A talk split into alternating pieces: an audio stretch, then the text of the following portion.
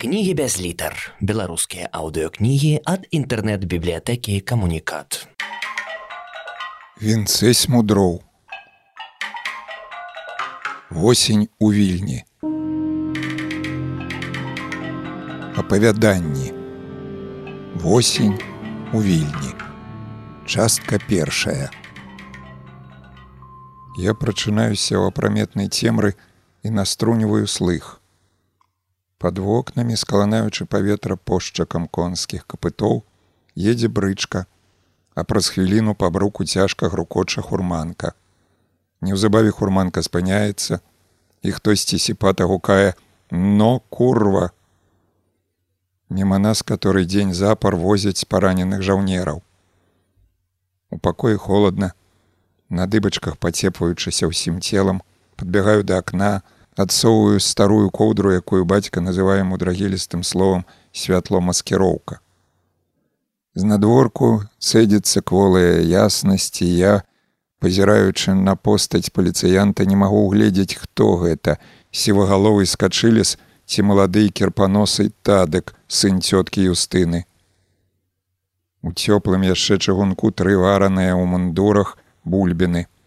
Абіраю адну самую буйную, торкую сальніцу з няхвотаю жую і зноў падаюся да акна. Па вуліцы паўзе чарговая хурманка з параненымі. У аднаго з жаўнераў спадае долу шапка і паліцыянт цяпер бачу што гэта скачыляс хапае яе і валюхаста бяжыць за калёсамі. Скачылес гэты прыходзіў за бацькам. Уваліўся ад ранку мы яшчэ спалі і загадаў бацьку збірацца Маці потым у пастарунак хадзіла, пыталася, за што забралі. Сказалі, што часовая мера ізаляцыя падрыўных элементаў і што як скончыцца ваенныя дзеянні, бацьку выпусцяць на волю.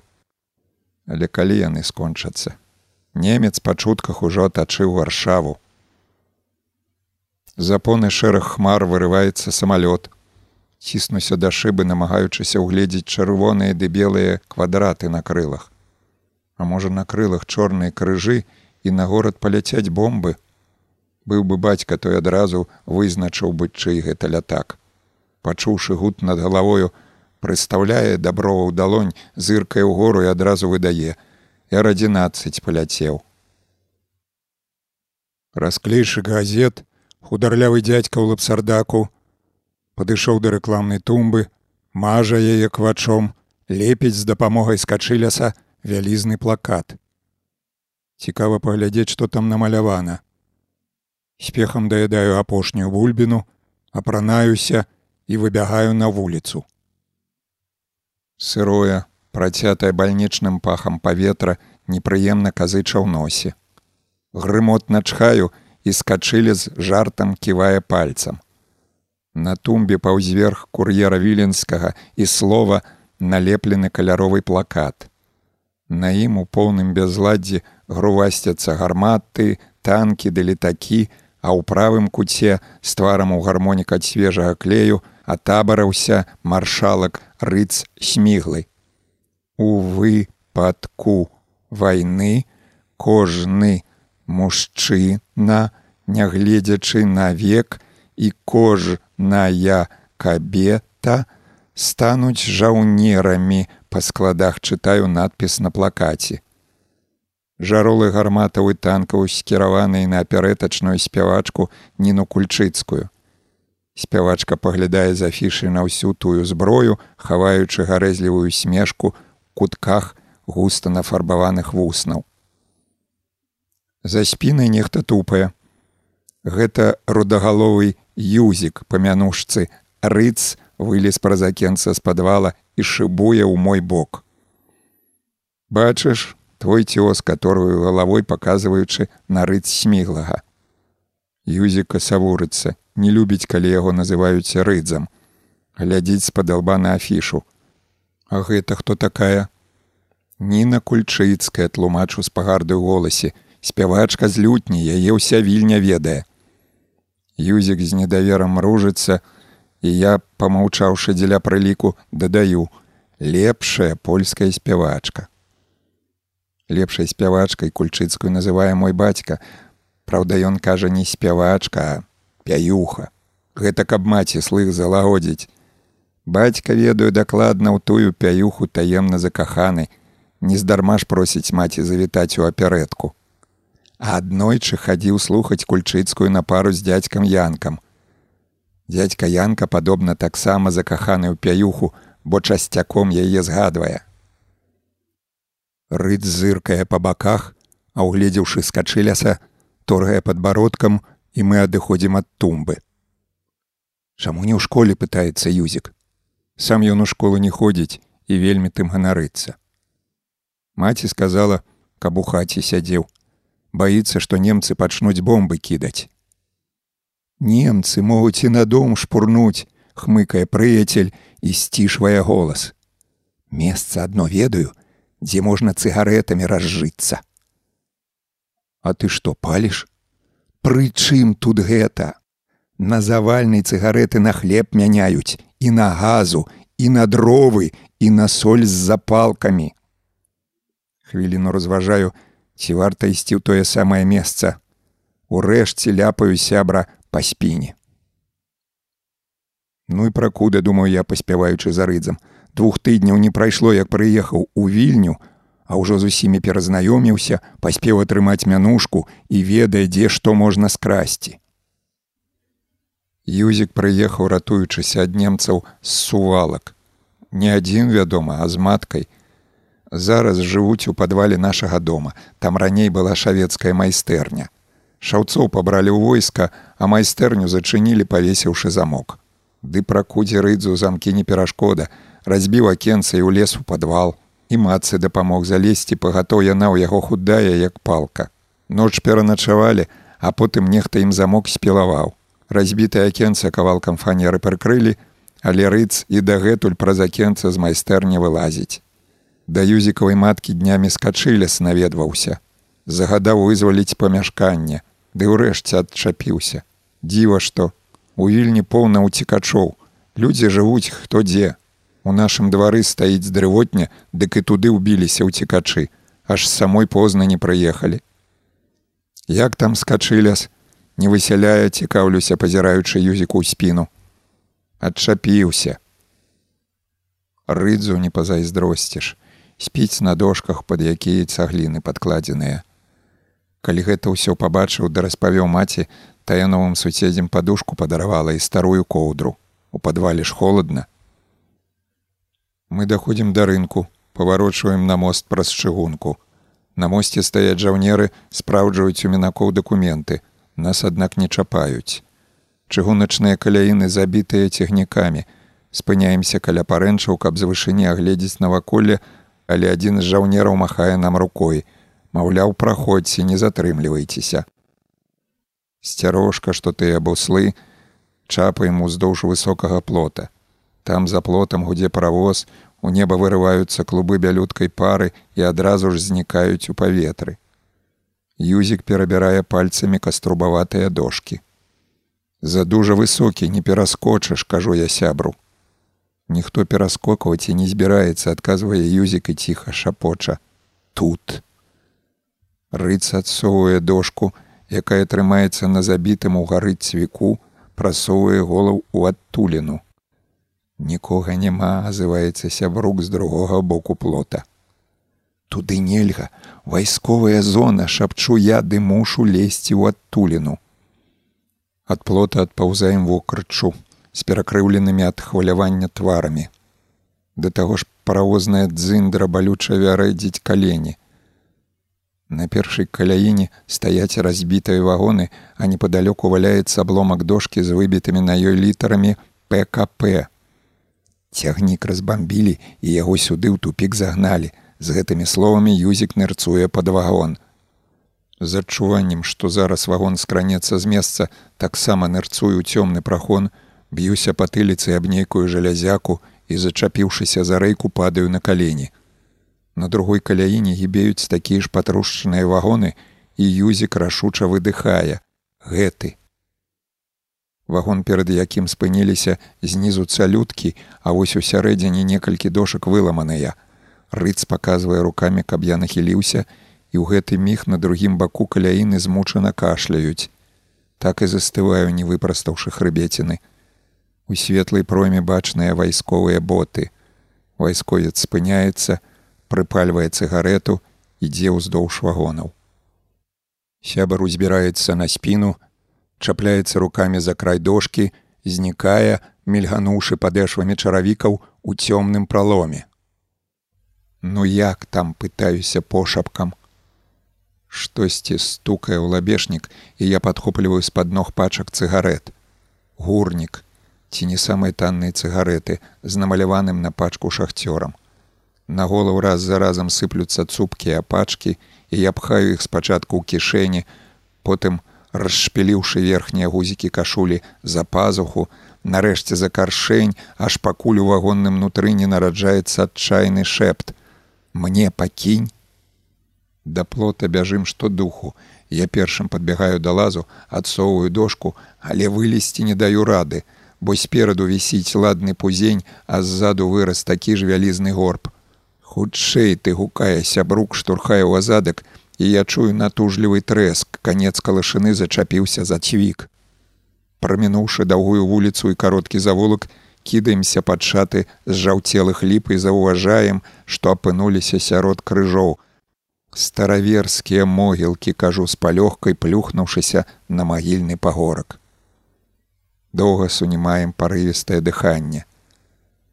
Раней міма тых могілак хадзіць баяўся, а тут сяджу на ўтравелай магілі і водзячы пальцам па шэрхлым крыжы, чытаю выразаныя ў дрэве літары раб Божий Іоанн.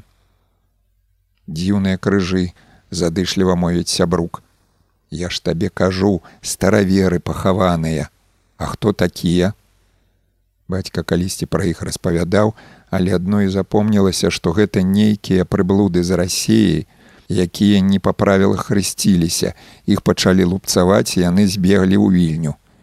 Збіраючыся з думкамі чухаю макаўку і крыўлюся ад болю, пад вучнёўскай шапкай шыміць і спее гузак. Да хаты вяртаемся дальняй дарогай, аж праз курлянскую вуліцу. Пнуцца на чыгуначны мост не выпадае, бо жаўнеры могуць пацікавіцца нашымі пузенямі. На курлянскай, На чыгуначным пераходзе стаіць паліцыянт, таму прыхоўваемся за кустамі, А калі гліна спыняй нейкага фацэта на ровары, непрыкметнымі ценямі праслізгваем у суседні заволак. І да самага дому азіраемся, выглядаючы сінія мундуры. Увальваюся ў кватэру, думаючы, што маці на працы, да яна чамусьці дома. Дзе цябе нячысцік носіць, маці як злуецца гамоніць па-простаму. Табе сказалі з хаты не выходзіць, а ты чорт дзе цягаешся. Выходжу на сярэдзіну пакоя, выцягваю кашулю са штаноў, цыгареты з вясёлым шорхатам падаюць на падлогу. Што гэта у голасе матчаным гучыць трывога. Не бачыш цыгареты, Дзе ты іх узяў? Немцы вагон разбамбілі, мы іх і прыхапілі. Ці не з вісусам падвальным ты іх прыхопліваў. Шморгаю носам, моўчкі выкідваю з кішэні ў рэшту цыгарет. Да сэрца падступае крыўда. Юзік што, само хоць залез у падвал. Хата іх не ў сувалках згарэла. Ось і давялося шукаць прытулку. Маці і сама адчула, што сказала лішняе уздыхнуўшы, спрабуе зняць з мяне кіпурку, і я крыўлюся ад болю. Крова драны зашэрхла і прыстала да шапкі. Дзе ты пабіў галаву і што ў цябе з порткамі? Правая калоша на доле падзёртая. Дарослыя баяцца ў горад выходзіць, а вы падшыванцы да хаты не прыцінаецеся. Бацькі няма, а так бы даў пытлю. Маці ўсхліпвае, сядае на ложак і ціха плача. Не з-за падзёртых штаноў вядома, ад таго, што бацька сядзіць у лукішках і немаведама калі адтуль выйдзе. Наступным ранкам трчу дома, бо маці не пайшла на працу. Працуе яна на заводзе электрыт. На тым самым, дзе вырабляюць вядомыя на ўсю польшчу радыёпрымачы мацуе на корпусе радыёлямпы і прылітоўвае кандэнсатары. Так што сяджу на падаконніку і паныла гляджу на тое, што дзеецца за акном. Там і нічога не змянілася. Адно, што ля пад'езда суседняга дома з'явіўся нязграбны надпіс: бамбасховішча на 50 асобаў. Па бруку па-ранейшаму ляскочаць калёсы з параненымі, а чалавеку лапсардаку расклейвае на тумбе свежыя газеты. Цікава, што ён там лепіць. Слова ці кур'ер. Ма, можна выйсці. Газеты хачу пачытаць. Маці маўчыць, наліваючы ваду ў чайнік, і гэта адзначае, што я нікуды не пайду. З дома насупраць выкульваецца матчына сяброўка, цётка Юстына. Цётка прыпыняецца каля тумбы, цягне шыю, спрабуючы штосьці вычытаць у газеце і дробненька тупае ў наш бок.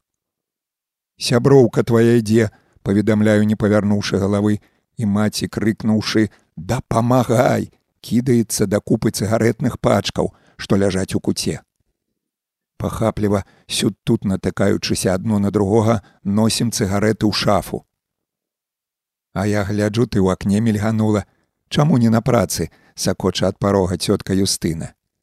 Цётка калі гамоніць з суседзямі збіваецца на простую мову. Скончылася праца.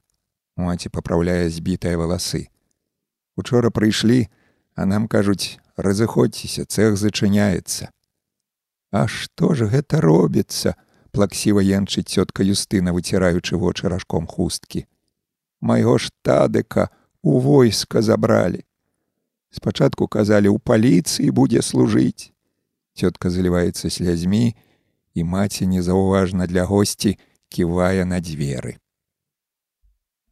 радасна збегаю па прыступках, падбягаю да падвальнага акенца, стукаю косткамі пальцаў па фанерыне і чую прыглушаны жаночы голас: нікуды не пойдзеш. Усё зразумела, юзіка гэтаксама не пускаюць на волку. Да тумбы падыходзяць людзі. Польскія летакі бамбардуюць Берлін, хтосьці чытае газету ўслых.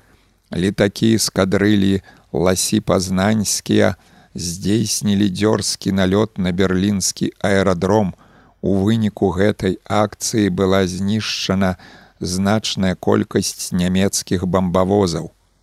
Не чытайце гэтай лухты, хутка швабы тут будуць, гукаюць з другога боку вуліцы.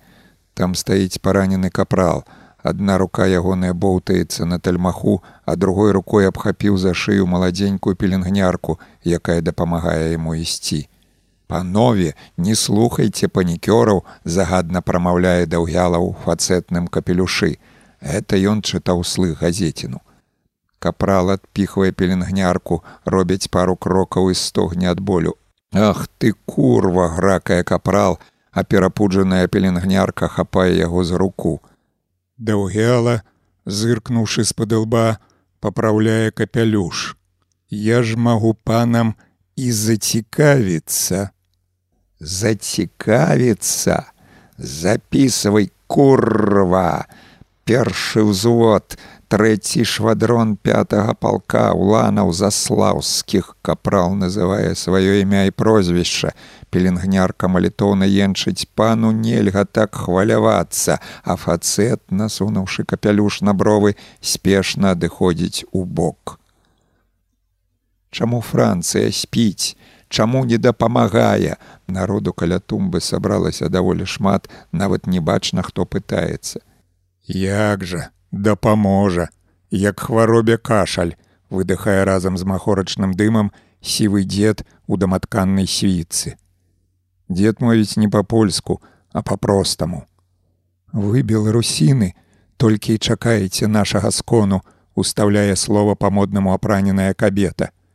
Модніца адмахваецца ад махорачнага дыму, збіраецца нешта сказаць, але ў гэты міг у небе нараджаецца густы самалётны гуд, і кабета перажагнаўшыся улякнута лапоча хоць бы не бомбілі усе стаяць увабраўшы галовы ў плечы і спалохана сцепаюцца ад грукату пад'ездных дзвярэй Гэта юзікава маці ляснула ўваходнымі дзвярыма.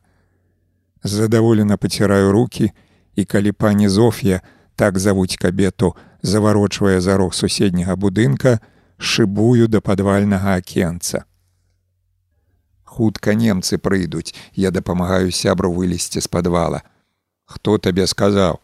Вунь той паранены капрал, капрал, на якога паказваю, паволі чакіляе, абапёршыся на пеленгнярку у бок шпіталя.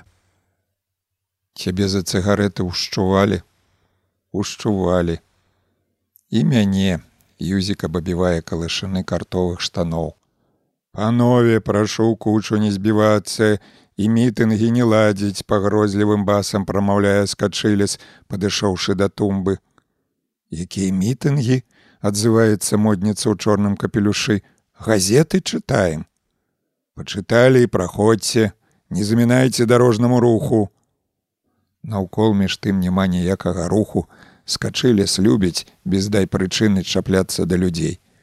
Вось тадак, сын цёткі юстыны, той ні да каго не чапляўся. Летась нават дапамог летаўца змайстраваць, якога я потым на панарскай гары пускаў. А цяпер тадак недзе ў войску з немцамі ваюе. Зрэшты нейкі рух усё ж такі адбываецца. Ад пагулянкі выруліў чырвоны арбон, а з-за вулка выехалі калёсы, наладаваныя прадаўгаватымі скрынямі, ці не трунамі. Калёсы спыняюцца, двое рабочых здымаюць з іх збітую з дошак скрыню з надпісам гаснік. Што за халера азываецца юзік. Ты што не бачыш? супраць пажарныя скрыні гучна каб усе чулі кажу я сябру. Х на сцены павесіць огнетушыльніку піхнуць і на замок зачыніць а бомбіць пачнуць будзе чым агонь тушыць а як тушыльнік дастанеш калі замок павесіць не сунімаецца юзік ключ камусьці пакінуць магчыма тваёй маці сябар з лёгкай трывогай паглядае ў канец вуліцы Не, хлопе, як пачнуць бомбіць, ніякі вогнетушыльнік не дапаможа керхае дзед у даматканай світцы. У небе густым чмяліным гудам азываецца самалёт. Нельга збірацца грамадой, бо як гахне бомбу і разляцімся на шматкі з загаднай інтанацыяй прамаўляе скачыляс. Паліцыянтам відаць далі загад разганяць натоўпы, вось ён і прыдумляе розныя жахі як не дзіўна народ пачаў разыходзіцца. І першай, падхапіўшы спадніцу, адскочыла ад газет модная пані.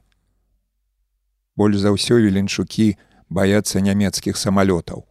Навокал толькі і гамоняць пра тое, як швабы бамбардуюць варшаву.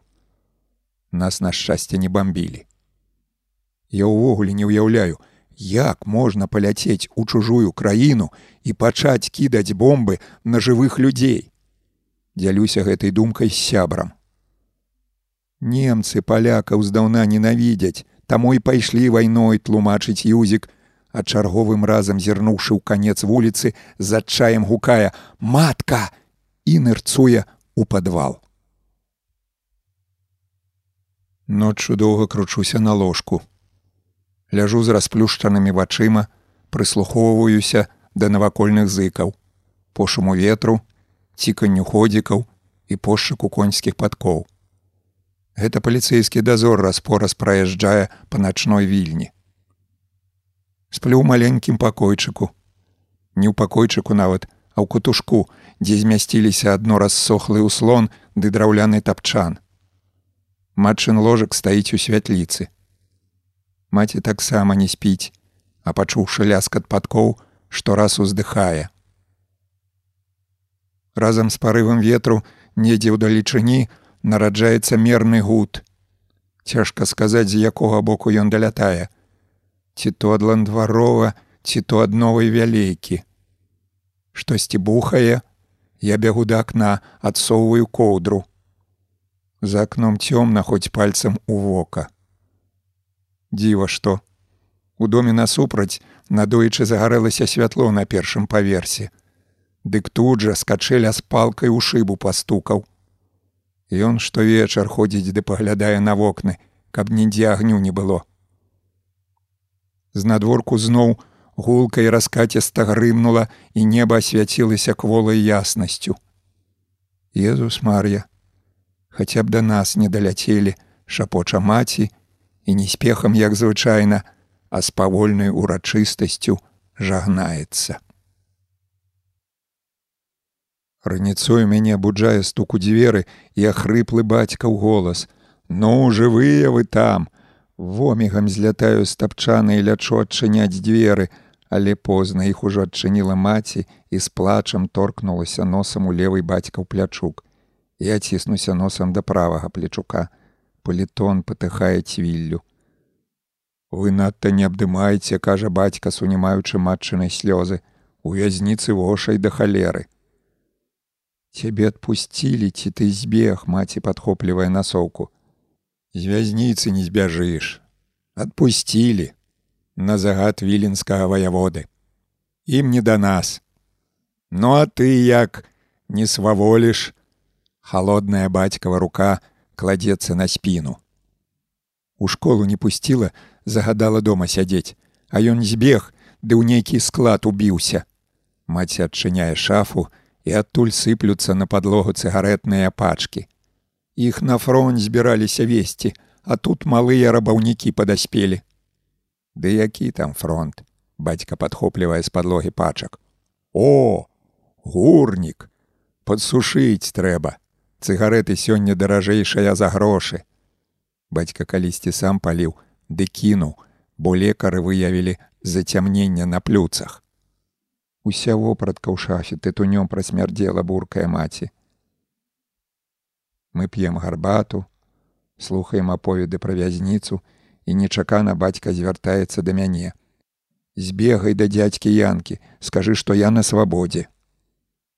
Дядька Янка лепшы бацькаў сябар, жыве ў зарэчы поруч са старымі габрэйскімі могілкамі, так што ісці да яго трэба праз усё места выбягаю з дому і перш-наперш сунуся да юзікава лаза ды стукаю па фанерыне. Мне не адказваюць, у падвале падобна нікога няма. А што ўначы бухала пытаюцца каля тумбы, там павесілі свежую газету і сабраўся людскі збой. Аэрадром бамбілі, па голасе пазнаю ўчарашнюю модніцу.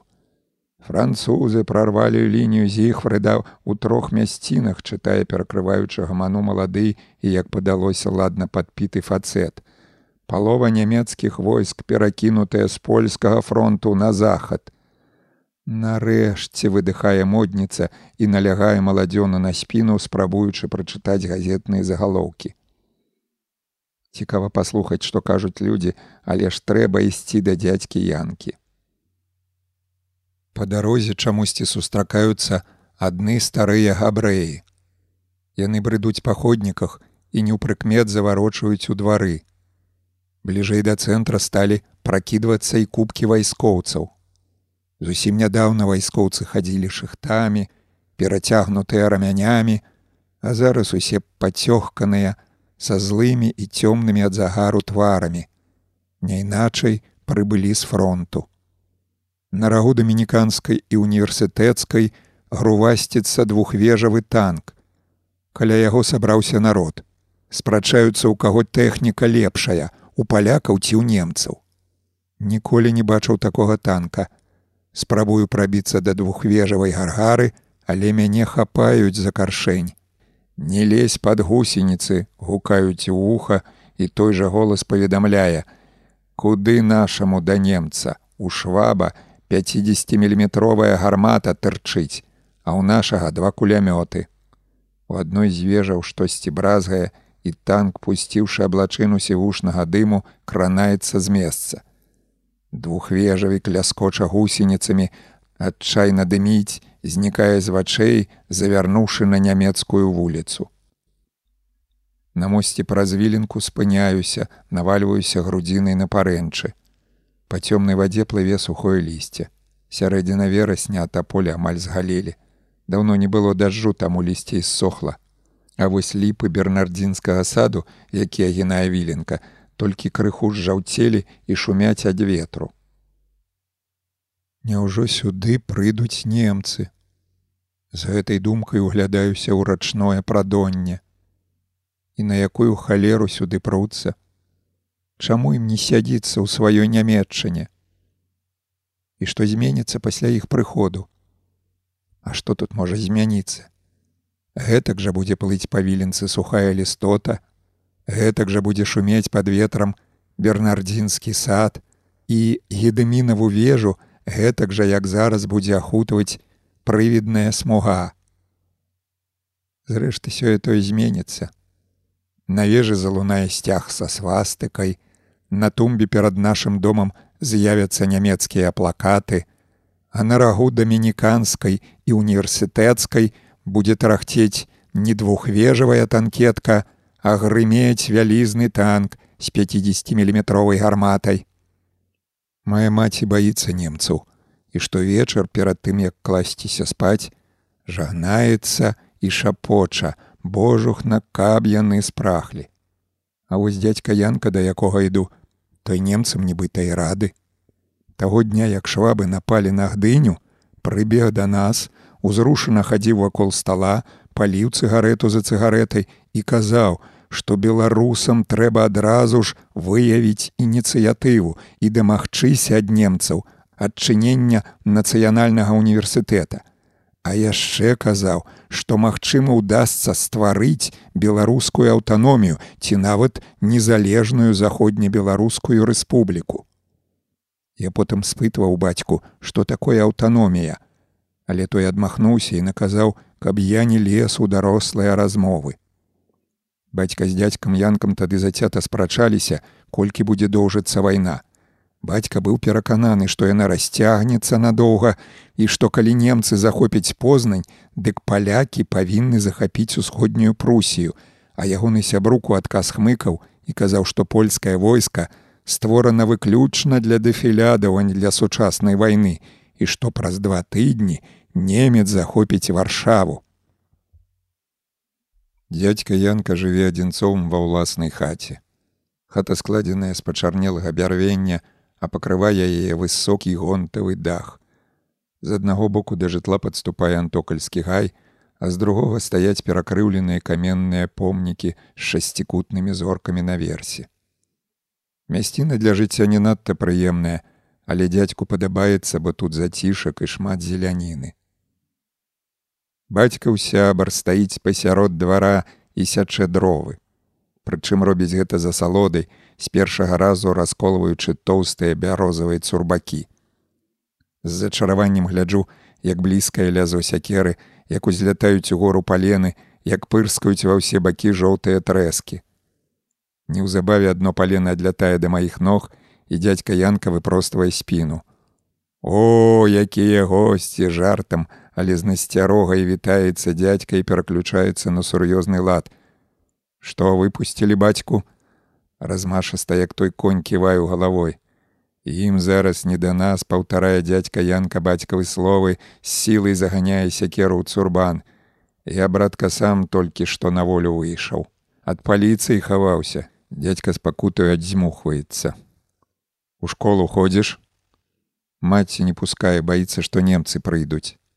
Кепска, што цябе ў беларускую школу не выправілі. Што ж ты за беларус такі вырасцеш?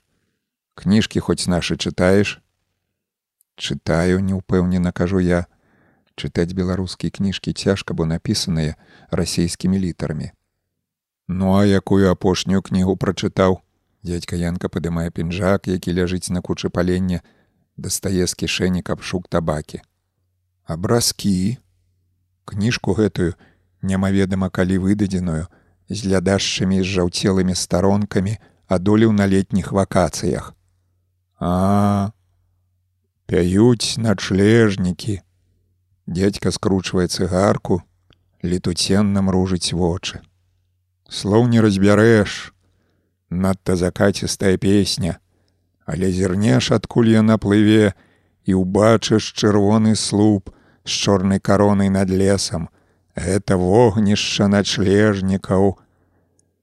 Дядька Янка зацягваецца цыгаркай, а ў вачах ягоных блізкая слязіна.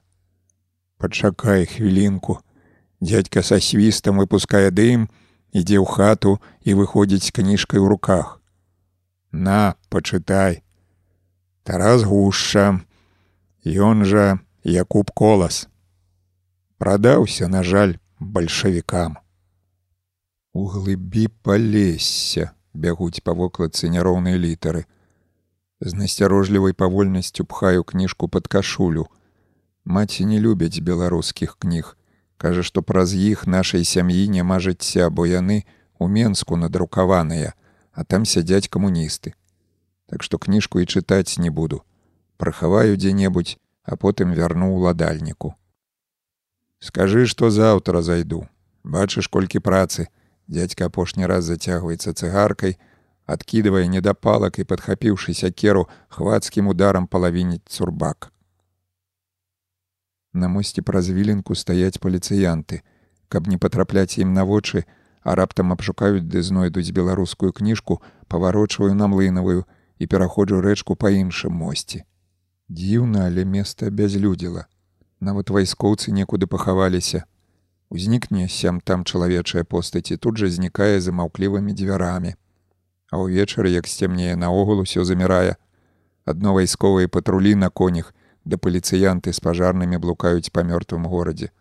Маці на мінулым тыдні затрымалася на працы, вярталася ў поцемках, дык паліцыянты яе хацелі ў пастарунак забраць, бо не мела пропуску. Ледзь адбілася. Каля дзвярэй пад'езда ўбіваюся на юзіка. Той дашчэнту змораны з вільготнымі валасамі сядзіць на цэментным ганку. Чаму такі мокры вусны мае кранай усмешка? Матка працу знайшла ў шпітальнай пральні, хадзіў ёй дапамагаць. Усмешка знікае з маіх вуснаў. Ты што там вопратку мыеш? Ды не, мядніцы цягаю. З бруднай вопраткай лёгкія, а з памытай цяжкія, і пара такая, што сцен не відаць. А што ў цябе там на чэраве цыгареты? Ды не, гэта кніга. Пакажы. Не хочацца паказваць кнігу, але мушу лезці за пазуху. Дык не па-нашаму паныла мармычарыц, разглядаючы вокладку. Па-беларуску тлумачу я заўважаючы, што кніга выдадзена ў вільні. А ты што беларусін?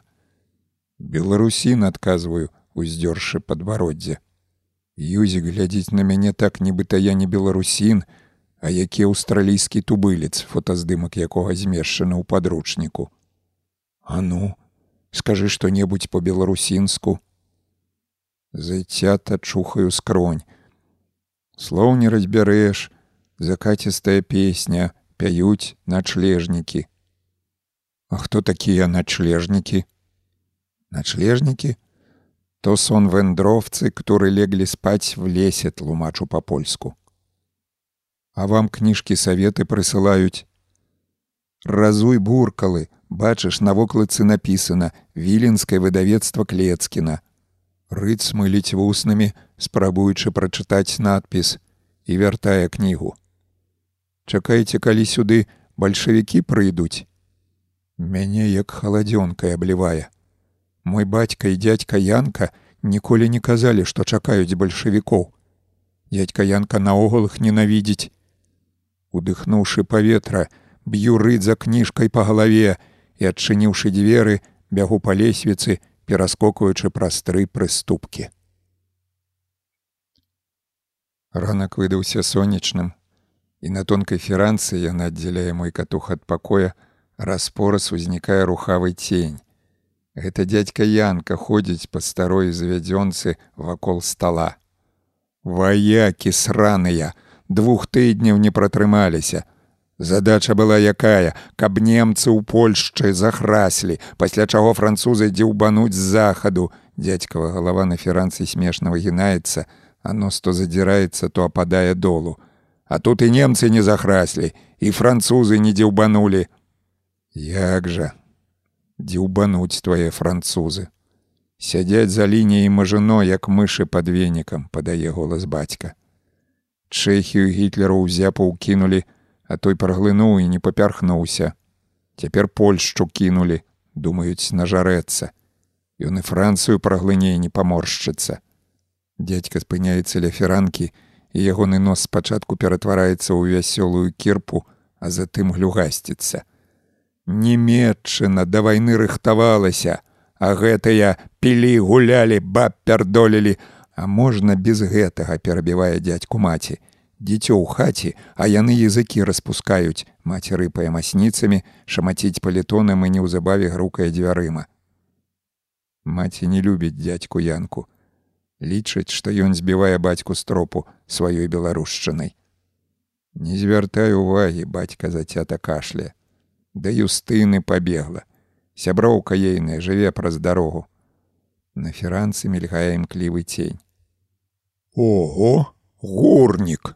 Дзе ўзяў, пытаецца дядька Янка. Жонка набыла, яшчэ да вайны хлусіць бацька. Грошы ўжо нічога не вартыя, а цыгареты заўсёды ў цане. Маеш рацыю. Ужо на гарадзенскую махорку перайшоў. І тая хутка скончыцца. Ну а што па радыё перадаюць? Я наструньваю слых. Дядька, як высвятляецца, слухае радыё. І ў нас ёсць старэнькі прымач, але паліцыя выдзерла лямпу і паставіла пломбу на ўключальнік. Кракаў познань лодзь змоўклі. Варшава два перадае натхнёныя адозвы, модлы ды нешта няўцямнае. Уяўляеш, перапыняюцца на паўслове і гарлаюць увага увага надходзі. І нейкія лічбы называюць. Хто там надыходзіць халера іх ведае. А пра тое дзе ідуць баі а не слова. Аглявец што перадае што нямецкія часткі увайшлі ў берасце. Дык хутка і ў нас будуць голас бацькавы прыкметна дрыжыць. Хутчэй за ўсё дзе ўбануць у напрамку баранавічаў адрэжуць усходні калідор. Так што ў нас, дзякуй Богу, зацятых баёў не прадбачыцца. Складуць палякі зброю і вайне канец. Дядька чыркае запалкай і на феранцы скачаў ішны вогнік. Жонка тытунёвага дыму не пераносіць бурчыць бацька і вогнік матлянуўшыся патухае. Феранкі калыхаюцца, адбіваючы знявечаны бацька ў профіль. Слухай янка, А чаму цябе паліцыя не прыхапіла? Хвіліну пануе ціша, якую пераравае абураны дзядзька ў голас. Ты што, агента дэфензіву ў маёй асобе ўбачыў. Дядька зноў чыркае запалкай. Да мяне ўваліліся ды не заспелі. Пасля таго схапіў прымач пад паху, ды ў купрыянішкі кінуўся да швагра. Увесь час там і адседзеў. Учора першы раз на сваім ложку спаў. Я ўласна чаго завітаў, пераскочыў на іншую тэму дядька янка. Трэба тэрмінова збіраць агульны сход. Зараз іду да антона. Пайшлі разам. Ці жонка не пускае хмыкае госць і бацька здымае з вяшака палітон. Антон вясёлы лысы дядька раней часцяком да нас забягаў а цяпер чамусьці не заходзіць. На сняданак як і учора дарэшты абрыдлы жур. Ён трасецца на сподку, што тая квашаніна і не лезе ў глотку. Трымаю сподак, глытаю кіславатую брыду і сядаю на падаконнік. На скрыжаванні стаіць жаўнер у шынялі. Каля тумбы сабралася жменя народу, Чарада галубоў узнялася ў паветра. На супрацьлеглым доме, якраз пад вокнамі цёткі юстыны, з'явіўся яшчэ адзін надпіс: «Не слухай ману варожага радыё. А можа, сапраўды немцы набрахалі, што занялі берасце. Давічыся глытаю рэшту журу, выцягваю з ранца падручнік па геаграфіі. Там на першай старонцы намаляваная мапа Польшчы. Ваджу носам, шукаючы бжэсць над бугем, знаходжу той бжэсць і ўражана лыпаю вачыма. Як далёка зайшлі немцы. Перасоўваю палец да баранавічаў, затым да стоўбцаў і натыкаюся пазногцем на чырвоны пункцір мяжы. Вільні, можна сказаць, пашанцавала. Яна прыкрытая літвой. Калі б не літва, немцы б даўно нас дзіўбанулі, як любіць казаць дзядзька Янка на прасткі ад юзікавых сувалак да вільні крок ступіць. На вулцы штосьці жаласліва гудзе, потым скуголіць, урэшце плаксіва завывае і з надворку зычна гарлае скачыляс: Грамадзяне, паветраная трывога! Збірайся хутчэй крычыць маці. Мы бяжым, скачучы праз тры прыступкі па лесвіцы, перабягаем вуліцу, даем нырца ў падвал супрацьлеглага дома. Дом стары падвал там глыбокі, і ў ім можа прыхавацца, як сведчыць надпіс на сцяне 50 асобаў. У падвале цёмна. Разам з намі па пакручастых сходах спускаецца некалькі чалавек.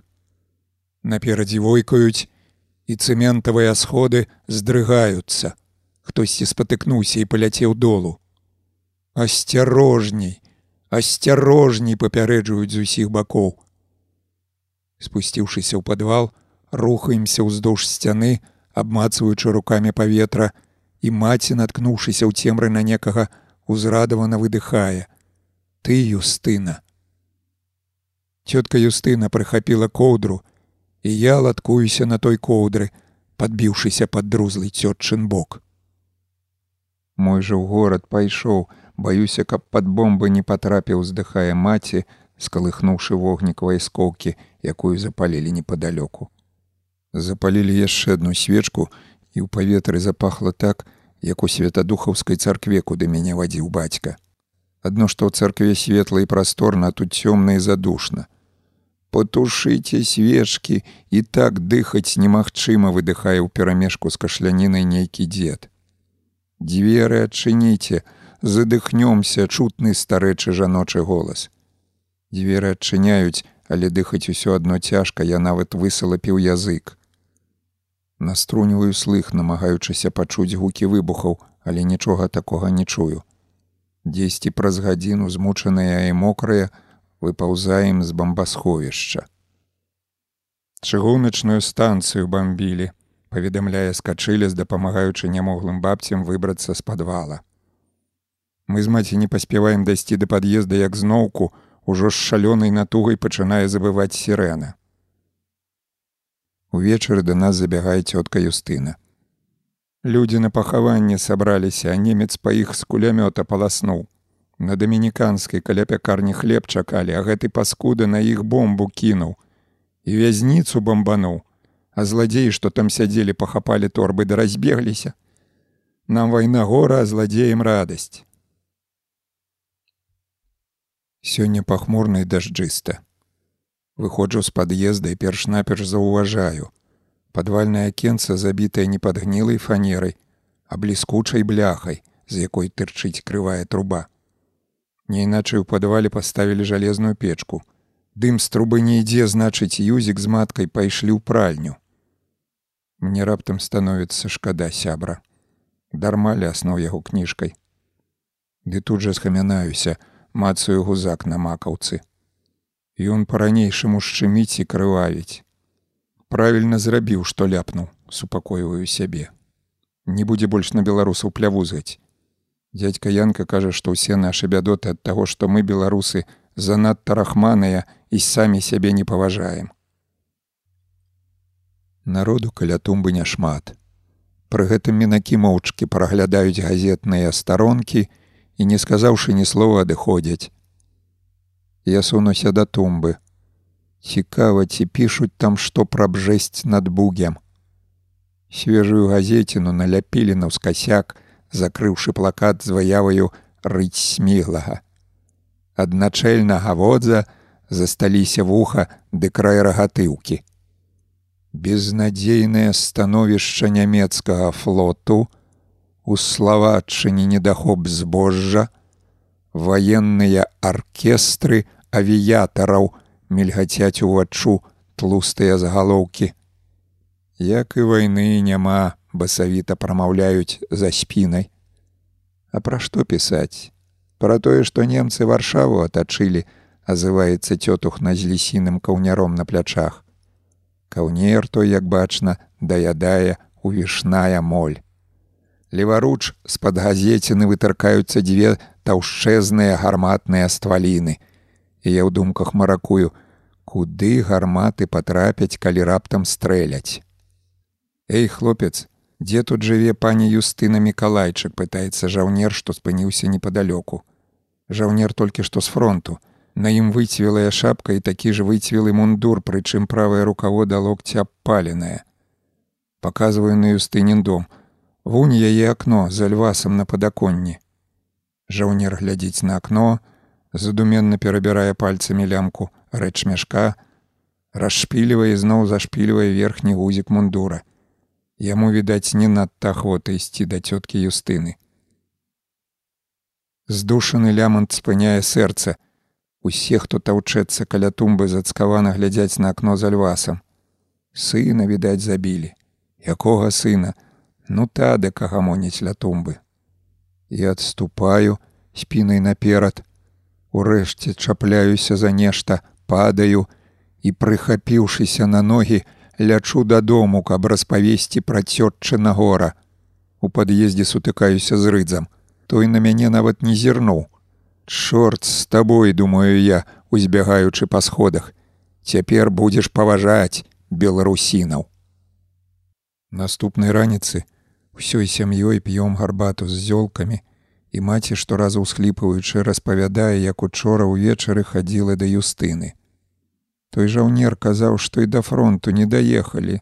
За беластокам немец наляцеў і цягнік разбамбіў прынёс стадыкавы дакументы, а яны ўсе крывёю запэцканыя, маці гучна шморгае носам і буйная слязіна ціўкае ў кубку гарбаты. Хтосьці нецярпліва і упарта стукае ў дзверы. Паліцыя шапоча маці.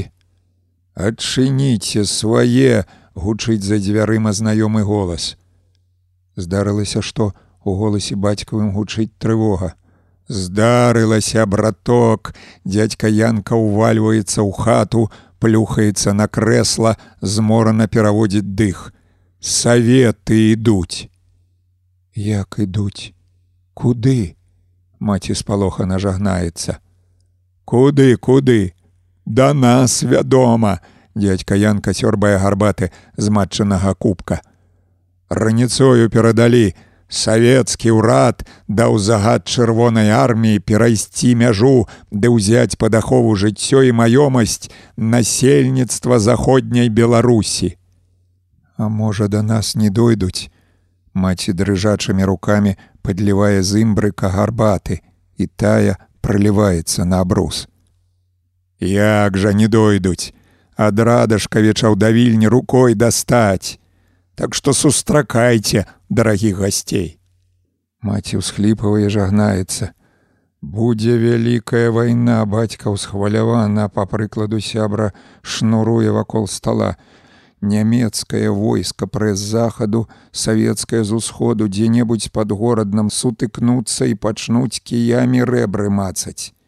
Не пачнуць, дядька адкідваецца на прыслон крэсла нездарма ж у жніўні рыбентроп у Маскву гойсаў. Там аб усім і дамовіліся, дакуль саветы даходзяць, дакуль немцы. Ты думаеш, а тут і думаць не даводзіцца. І што рабіць мем бацька хадзіў адзін бок, цяпер прайшоўся ў другі. Перш чым да вас забегчы, да Антона завітаў. Той параіў на пачатку сядзець ціха, калі што збегчы ў навакольныя вёскі, а то і ковенскую літву паспрабаваць перабрацца але гэта на крайні выпадак. Ну а як возьмуць ды ўсіх гамузам пахапаюць, бацька выцірае далонню ў прэлы карак. А ты чаго дарослыя размовы слухаеш, усхопліваецца маці, А ну ідзі пагуляй троху. Нацягваю на плечы палітон і ўжо на ганку чую матчын загад. Далёка не адыходзь. Ля тумбы тоўпіцца народ, Там вісіць свежае слово, але яго ніхто не чытае. Саветы, саветы адной чуваць сярод людской гаманы. Ну, ты задаволены прамаўляюць за спінай, гэта рыжы юзік. Чым мармычу не павярнуўшыся. Саветы ідуць. Ды яны ў Менску ўсіх беларусаў прыбралі, каго на той свет выправілі, каго ў Сібір загналі, кажу былому сябру і толькі тады абарочваюся. З юзікавага твару збягае блазнаватая усмешка. Дзе ты пра гэта пачуў? Шмат будзеш ведаць, галава лысай стане згадваю матчыну прымаўку і ківаю на трубу, што тырчыць з падвальнага акенца. Хто гэта вам зрабіў? Шмат будзеш ведаць, галава лысай стане са злосцю выдае рыц, але раптоўна мяняе танальнасць. Матчын стрыечны брат у шпіталь патрапіў. Дык ён свайго сябра ў плячо параненага падбіў, і яны нам тую печку працягнулі. На шпітальным двары валялася. Сталі трубу выводзіць, а тут скачылі з падбег і пачаў: « Прыбірайце печку і з памяшкання вымятайцеся. А дядька мірак брат матчын слухаў слухаў, да як гаркне з падвала. Зараз тылавы шашок выйду і шпокну пры ўсім народзе. Скачылі з пабег некуды нібыта на падмогу, а сам цэлы дзень на вуліцы не з'яўляўся. Шкада, што не шпокнуў. Я згадваю, як паліцыянт арыштоўваў бацьку і пры гэтым падступна пасміхаўся. Сын цёткі Юстыны такі ж паліцыянт на вайну пайшоў і загінуў, а гэты таўстун толькі тым і займаецца, што людзей ад тумбы адганяе. Наступнай хвіліны мы з рыдзам глядзім у неба. Там, распора згубляючыся ў аблоках, ляціць самалёт. Кволае сонца блізкае на срэбных крылах, а з хваста вырываюцца срэбныя аблачынкі. Аблачынкі паволі раздзімаюцца, расцягваюцца даўгім шнуром. Улёткі гарлая юзік. Порсткі ветры гоняць завілы шнур у бок новага свету. Мы з юзікам бяжым як апараныя пазіраючы ў гору. Поруч з намі бяжыць стузін такіх жа, як мы падшыванцаў і рэха бязладнага тупацення блукае ў вузкіх вулках. Паперыны лётаюць над дахамі, чапляюцца за вершаліны дрэваў, але на зямлю не апускаюцца. Каб першаму схапіць запаветны лісток, сябрук лезе на згалелую ліпу, у веці якой заблыталася нябесная бібула, і ў гэты момант адна з улётак сядае мне на шапку. Яна надрукаваная па-польску. Савецкі ўрад лічыць святым абавязкам працягнуць руку дапамогі сваім братам украінцам ды братам беларусам брыняць уваччу няроўна надрукаваныя літары. Наша, рабоча-сялянская чырвоная армія і гэтым разам дэманструе сваю баявую моц. Юзік, абламаўшы тоўсты сук, скача на зямлю, і мы, хапануўшы ў жмені ўлётак, мелькам іх праглядаем, бяжым да хаты, і ў галаве маёй віхурацца страхотныя словы: вялікі Сталін, чырвоная армія і заможныя савецкія калгасы. З летака скінулі, гукаю, зачапіўшыся за парог. Маці нават не зірнула на паперкі, скамячала і кінула ў печку. Першы савецкі танк убачылі познім вечарам. Святло ў нас адключылі і цяжка было разабраць штосьці ў цемры. І толькі гнутыя трубы, што спавівалі вежу, ды кароткая стваліна гарматы сведчылі, што гэта ляскоча савецкі танк. Усю ноч на гарадскіх ускраінах глуха бухала, па вулцы распораз нехта прабягаў, і тады бацька падаваўся да акна і углядаўся ў цемру. І на зацягнутым хмарамі небе блукала барвовая палымніца. Раніцою мяне нібыта тыцкаюць у плячук. Я расплюшчваю вочы, і не даю рады даўмецца, што за гукі мітусяцца па кватэры, ад якіх дзынкаюць шыбы на вокнах і якія нахабна лезуць у вушы. І канчаткова будзіўшыся, уцямліваю, што шыбы дзынкаюць ад пошчаку коньскіх падкоў. Бацькі ўжо апраненыя стаяць каля акна, прыціснуўшы насы да халоднай шыбы. На ногі што-небудзь насунь ды кашулю на дзень кажа маці, але мне не да таго кіпучая, магучая, нікем не пабедзімая, спяваюць жаўнеры, і гарадскія вароны абурана гракаюць на іх з высокіх дахаў. Міма нашага дома, расцягнуўшыся даўжэзным шыхтом, едзе на конях чырвонае войска, пра якое пісалі ва ўлётцы. Войска тое, аднак, не чырвонае, а шэрае. На жаўнерах даўжэзныя, аж ног не бачна шынялі, а на галовах цьмяна бліскаюць гламаздаватыя каскі з невялічкім грэбнем на макаўцы. А што за грэбні такія торкую бацьку бок. Вентыляцыйныя адтуліны, а каб вада не патрапляла, пласцінамі закрытыя у форме грэбня. Ага, выдыхаю я, хаця і не цямлю, што такой вентыляцыйныя адтуліны і дзеля чаго яны патрэбныя. У палякаў лепшыя казкі бацька адрывае нос ад шыбы. А чаму ж немцы варшаву атачылі, калі ў іх такія добрыя казкі, падае голас маці. У немцаў казкі яшчэ лепшая паўжартам адгукаецца бацька. На сняданак у нас пансак без масла. Каша захрасае ў горле, даўлюся ёю стоячы ля акна. Саветы едуць падвое, не звяртаючы ніякай увагі на месцічаў, што выйшлі іх сустракаць. Адзін конь занаравіўся і на вулцы ўтварыўся невялічкі затор. Я да Антона бацька на хаду даядае абрыдлую кашу. Паеш, як чалавек, што ты бегаеш, як апантаны крычыць на ўздагон яму маці, і бацька ўжо з калідора адгукаецца: няма калі. Мне карціць вылецець з хаты. Ма, Я на ходніку пастаю, пагляджу на бальшавікоў. Нікуды не пойдзеш. Маці выскрэбвае з рондаля рэшткі падгарэлай кашы, не хапала, каб на цябе конь наехаў. Памыўшы посуд, маці сядае на ўслон, хвіліну сядзіць нерухома, спрытна падымаецца на ногі. Ёй самой не сядзіцца ў хаце. Праз імгненне яна накідвае на плечы пуховую хустку, і трасе ўзнятым пальцам, маўляў, на двор не выходзь. Пабегла да цёткі юстыны паслухаць апошнія навіны. Чакаю, калі на лесвіцы заціхнуць крокі і здымаю з вяшака палітон. Паветра працятае непрыемным пахам, ці то поту, ці то дзёгцю, ці то яшчэ нейкай халеры.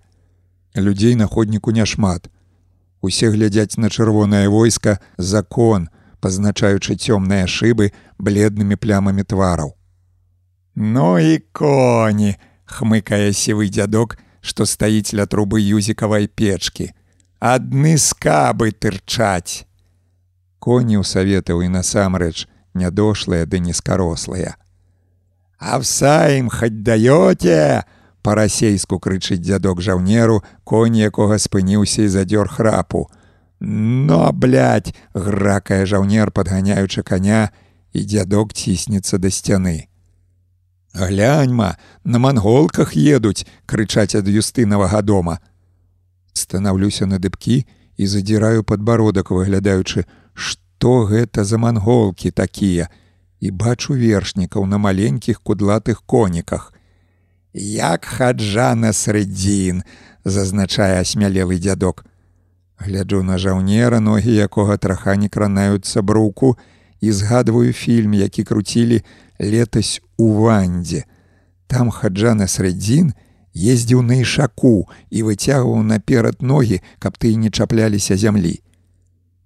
Цікава паглядзець на чырвонае войска але тут маці выйшла ад цёткі юстыны і я нырцую ў дзверы пад'езда. Восень у вільні, частка другая. З шэрага неба ляніва сыпле імжа, і ў непрагледзе ранішняй смугі кратаюцца нечыя размытыя постаці. Я роспачна пазяхаю, прыкрыўшы зяпу далонню, і пазнаю нехлямяжай постаці паліцыянта скачы ляса, Сагнуўшыся з клюдам, ён тупае, не разбіраючы дарогі па лужах, а следам за ім сунуцца двое з чырвонымі павязкамі на рукавах. Гэта рагварды, чальцы рабочай гвардыі, што дзень да ночы сноўдаюць па горадзе. У аднаго з рагвардыстаў у руцэ пісталлет. Ма, скачы ляса арыштавалі, крычу не адводзячы вачэй ад рагвардыста з пісталетам. Маці, хаця і занятая, выцірае ручніком памытыя талеркі, але падыходзіць да акна. Езус Мар'я, што ён ім кепскага зрабіў. Знайшла каго шкадаваць. Я чарговым разам згадываю, як паліцыянт арыштоўваў бацьку і як адганяў людзей ад тумбы. Скачылі с аднойчай на маці наляцеў. Тая развесела пра сцены ля дрывотні, а гэты загадаў зняць бо пра сцены выгляд вуліцы псавалі. А дрывотня ж не на вуліцы стаіце ў двары. Троіца хаваецца за рогам будынка і ў той жа міг з-за рога выкульваюцца яшчэ трое. Першы, высокі падхорцісты нясе жалезную скрабалку, другі, нізенькі плюгавы, трымае пад пахай скрутак плакатаў, а трэці, знаёмы мне расклейшчык газет, цягне вядро з клеем. Тройца падыходзіць да тумбы, аглядае яе з усіх бакоў, пасля чаго расклейшчык становіцца вокрач, падхорцісты даўгяла ўзбіраецца яму на карак і жалезнай скрабалкай здзірае з тумбы рэшткі газеты плакатаў. Пры гэтым чалавек з плакатамі паказвае рукамі, як трэба ўпраўляцца са скрабалкай. Расклейшчык паволі паўзе вакол тумбы, папяровае шмоце ляціць яму на голаў і небарака ўвесь час дзьмухае пад нос, спрабуючы збіць ашмётак, што прыстаў да лабаціны. На тумбе чырванее вялікі плакат са сталіным, які паказвае рукой на дом цёткі Юстыны. А я не ведала, што пан Сталін такі высокі, уражана лапоча па-моднаму апраненая цётка. Яна штодня прыходзіць чытаць свежыя газеты. Ды які там высокі. Ён маленькі да рабаціністы, папраўляе на галаве капялюш укормлены бамбіза. Параіў бы пану сцішыцца, уторкуецца ў размову мужчына ў вайсковым мундуры са слядамі аддзёртых пагонаў на плячах. Пачуюць падсабачнікі вомігам руки скруцяць. А што я такога сказаў бамбіза мелькам азіраецца. У НКВД растлумачыць. Мой сусед векнуў нешта пра Сталіна, таго ж дня апынуўся на рагу міцкевічай ахвярнай. Чалавек у мундуры стрымана кашля ў жменю. Тройца кепска саскрэбла старыя плакаты, і з-за сталінскага задка тырчыць патыліца рыць сміглага. Вот за начальнага заўважыў не толькі я. А дзе сміглы цікавіцца модная кабета. У румынію збег. На пару з масціцкім цэдзіць скрозь зубы чалавеку мундура і памаўчаўшы дадае сволачы. Все ўтарапёна глядзяць на вайскоўца сволачы паўтарае той ужо з упэўненасцю ў голасе. Дзядак ніколі б не збег, адстрэльваўся б да апошняга патрона, а гэтым і бяды няма у іх рахункі ў швейцарскім банку. Што ўжо дзядака згадваць. Чатыры гады як памёр уздыхае модніца і мружыцца на пацямнелую дымжы газету. Па-расейску здаецца: Віленская прауда чытае цётух на паскладах і я з годнасцю тлумачу по-беларуску, а не па-расейску. А ты што падшыванец ведаеш беларускую мову, настаўляе на мяне падмаляваныя вочы модніца. Замест адказу пачынаю перакладаць па-польску. 19 верасня раніцай войскі рабоча-сялянскай чырвонай арміі уступілі ў вільню. Народ хлынуў на плошчы, пакрыў іх жывым, узрадаваным натоўпам. Усе вітаюць чырвоную армію. Лухта нейкая перабівае модніца. Паглядзіце, напісана, што пра харчы, калі ўжо іх падвязуць. Як жа падвязуць. У іх там у саміх галадуха абуджаецца жаночы голас. Ліхаманкава аглядаю газетныя старонкі, знаходжу невялічкую зацімку. Часовая ўправа віленскай акругі папярэджвае ўсіх уладальнікаў крамаў, складоў рэстаранаў, што цэны на харчы і тавары павінны заставацца на ўзроўні, які існаваў да прыходу частак чырвонай арміі. Усялякае падвышэнне цэн будзе разглядацца як спекуляцыя і варожыя дзеянні, а асобы вінаватыя ў спекуляцыі будуць аддадзены пад суд па законах ваеннага часу. Вось гэта правільна азываюцца колькі галасоў, пакуль чытаў вакол сабралася ладна народу. Якая спекуляцыя, чым спекуляваць? Крамы і склады пустыя, бухае, што тая бомба магутны бас. Паварочваюся, каб паглядзець, хто там басіць і бачу маці. Тая стаіць каля пад'езда і шукае мяне вачыма. Раз на два дні мы ходзім па дровы. Дрывотня знаходзіцца ў глыбіні двара, такая двухпавярховая спаруда з драўлянай галерэяй на ўзроўні другога паверха. Кожная кватэра мае свой закут. Наш пад нумарам 13, крайні на першым паверсе. Дроваў не так шмат, таму палім на дзень 8 паленаў. Запалам у вільні зусім кепска. Дровы нам прывозіў ёсель з рудаміны. Цяпер жа саветы перакрылі дарогі і каб выехаць ды заехаць у горад на падводзе, трэба мець адмысловы пропуск. Некаторыя цягнуць дровы на сабе, прабіраючыся ляснымі сцяжынамі але ці шмат прынясеш на карку. Іду па засмечаным дзындрай двары і чую малітоўны енк за спінай, а свенты паньсцы. Наша клець расчынена, а дзверы вісяць наўскасяк, трымаючыся на адной завесе. У клеці гэта бачна здалёк не засталося ніводнага палена. Познанцы вусны матчыны плаксіва закапыленая, з'ехалі і дровы прыхапілі. У крайняй клеці на другім паверсе жылі ўцікачы з познані. Дзверы там разнасцежаныя і ў пройме зеўрыя шэры прыцемак. Маці шморгае носам, змахвае слязіну, нядобрым словам згадвае бацьку. Змерзнем узімку, а гэты бегае павільні ўсёршыся, плаксіва выдае маці па-простаму. Калі хвалюецца ці плача, маці забываецца на польскую мову і пераключаецца на гаворку родных лаварышак. Плятуся дадому і бачу юзіка. Той стаіць, наваліўшыся плечуком на бляшаную рыну і грызе зялёны яблык. У вас што, забілі некага? Дровы скралі. Такой бяды, Мая матка штодня са шпіталя пару паленаў прыносіла. Няўцямна, чвякаючы яблыкам, заўважае сябар.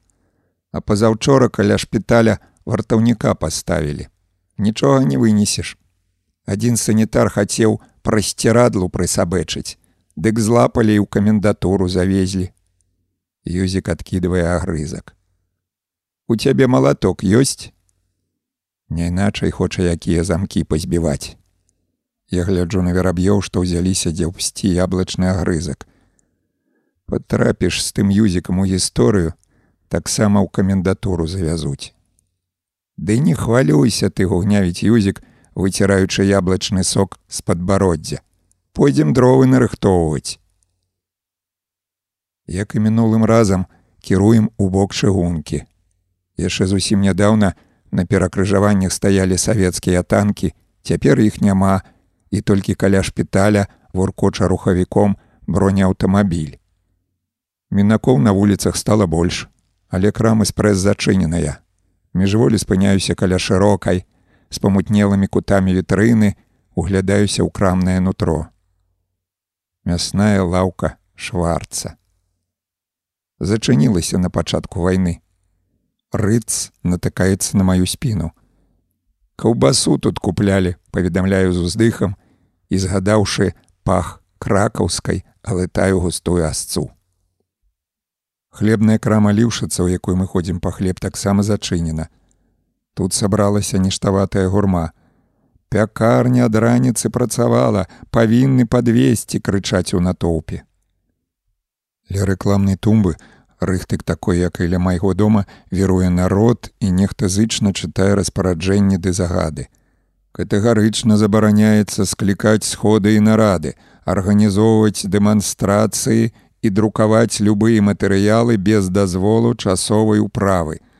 Народ ля тумбы ўражана гамоніць, хтосьці гучна чхае і ўсе аціхаюць. Свабоднае хаджэнне дазваляецца да восьмі гадзін вечара. З раніцы хаджэння па вуліцах, калі можна хадзіць ад ранку не пачулі, бо народ бязладна загаманіў. Грамадзянам, якія прыбылі ў вільню пасля ўступлення Польшы ў вайну, належыць вярнуцца на месцы сталага жыхарства.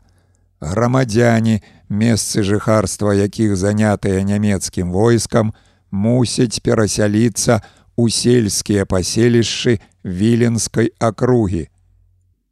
Мусіць перасяліцца мармычарыц, куды ж нам перасяляцца, у якія такія паселішчы.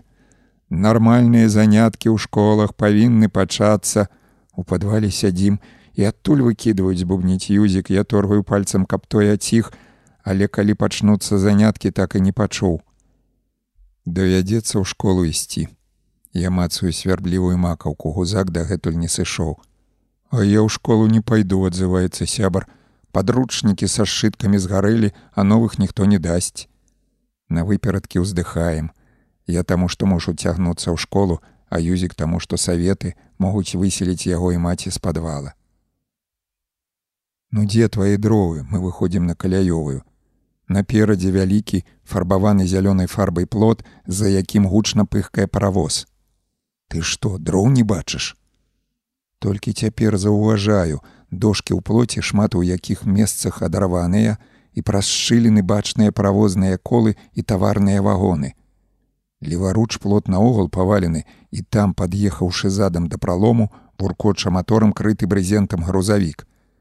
Учора запрыкмеціў, дядзькі дошки цягаюць, не грэх і нам разжыцца.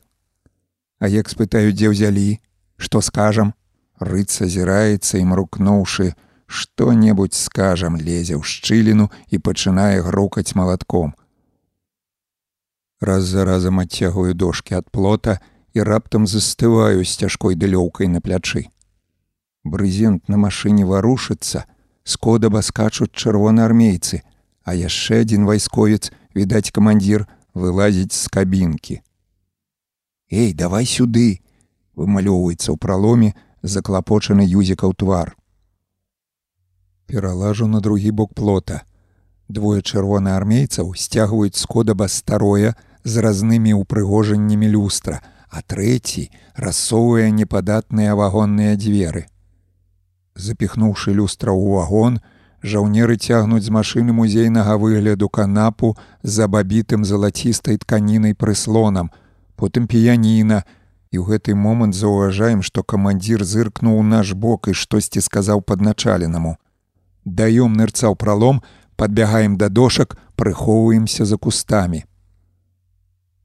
Дошкі валачэм дварамі, пакідаючы на зямлі завілыя барозны.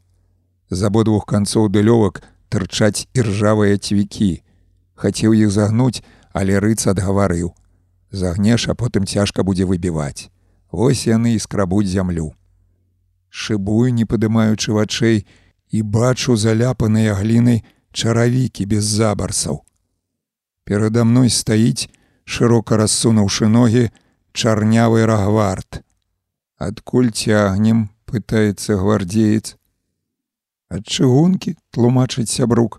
Жаўнеры плот павалілі, каб машына магла пад'ехаць, а камандзір загадаў нам дошки прыбраць. А навошта іх прыбіраць? Буцвікі могуць скаты прабіць.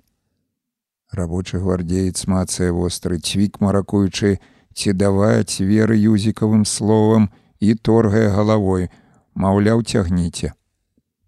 Усё ж такі языкасты гэты юзік, з такім языком не прападзеш, захоплена думаю я. А калі брагвард вырашыў праверыць, скралі мы дошки ці іх нам далі, Я пакутліва крыўлю рот.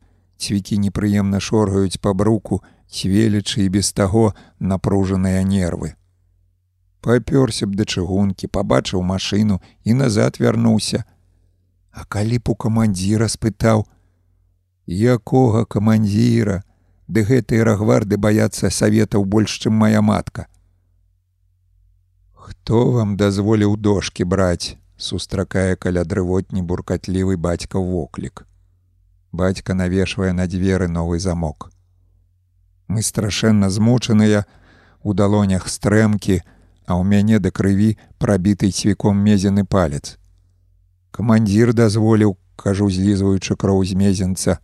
Бацька дакорліва трасе чупрынай, выносіць з закута аднаручную пілу. Пілуем з юзікам тоўстыя дылі да самага прыцемку. Піла тупаватая, таму яе грабежнікі не прыхапілі. А да таго ж рыдзу трэба распілоўваць на маленькія аскабалкі, бо даўгія не залезуць у печку. Вячэру гатуем на крадзеных дошках.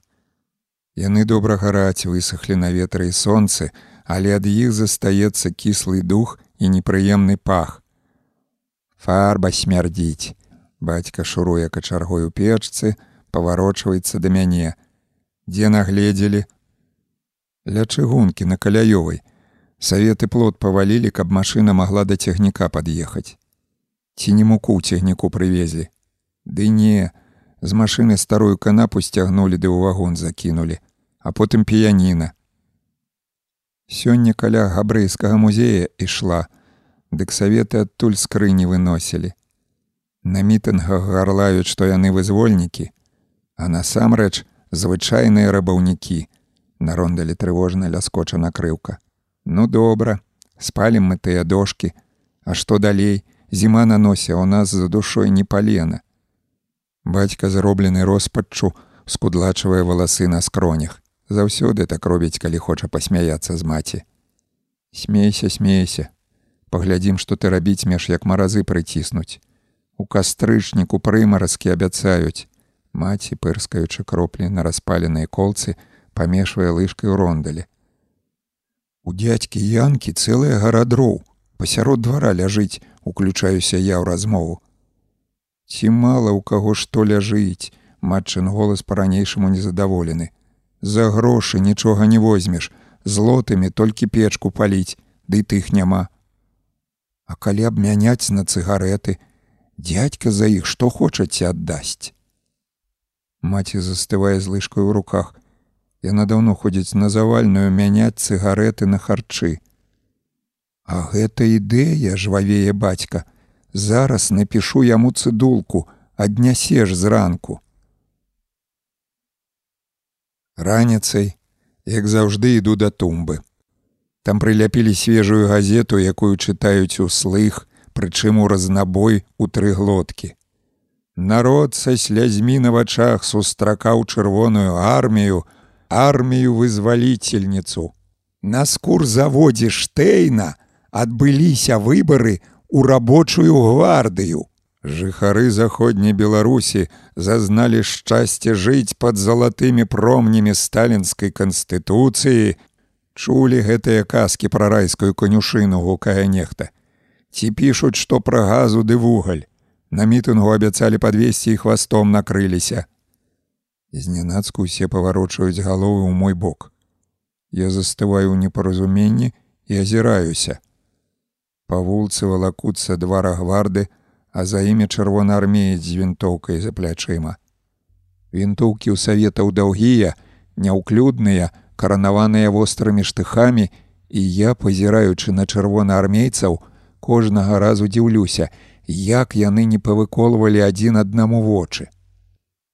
Патруль падыходзіць да людскога збою, і хтосьці жартам тэатральна пастаўленым голасам чытае: Лепшыя з лепшых уступаюць у рады рабочай гвардыі, каб захоўваць у горадзе рэвалюцыйны парадак.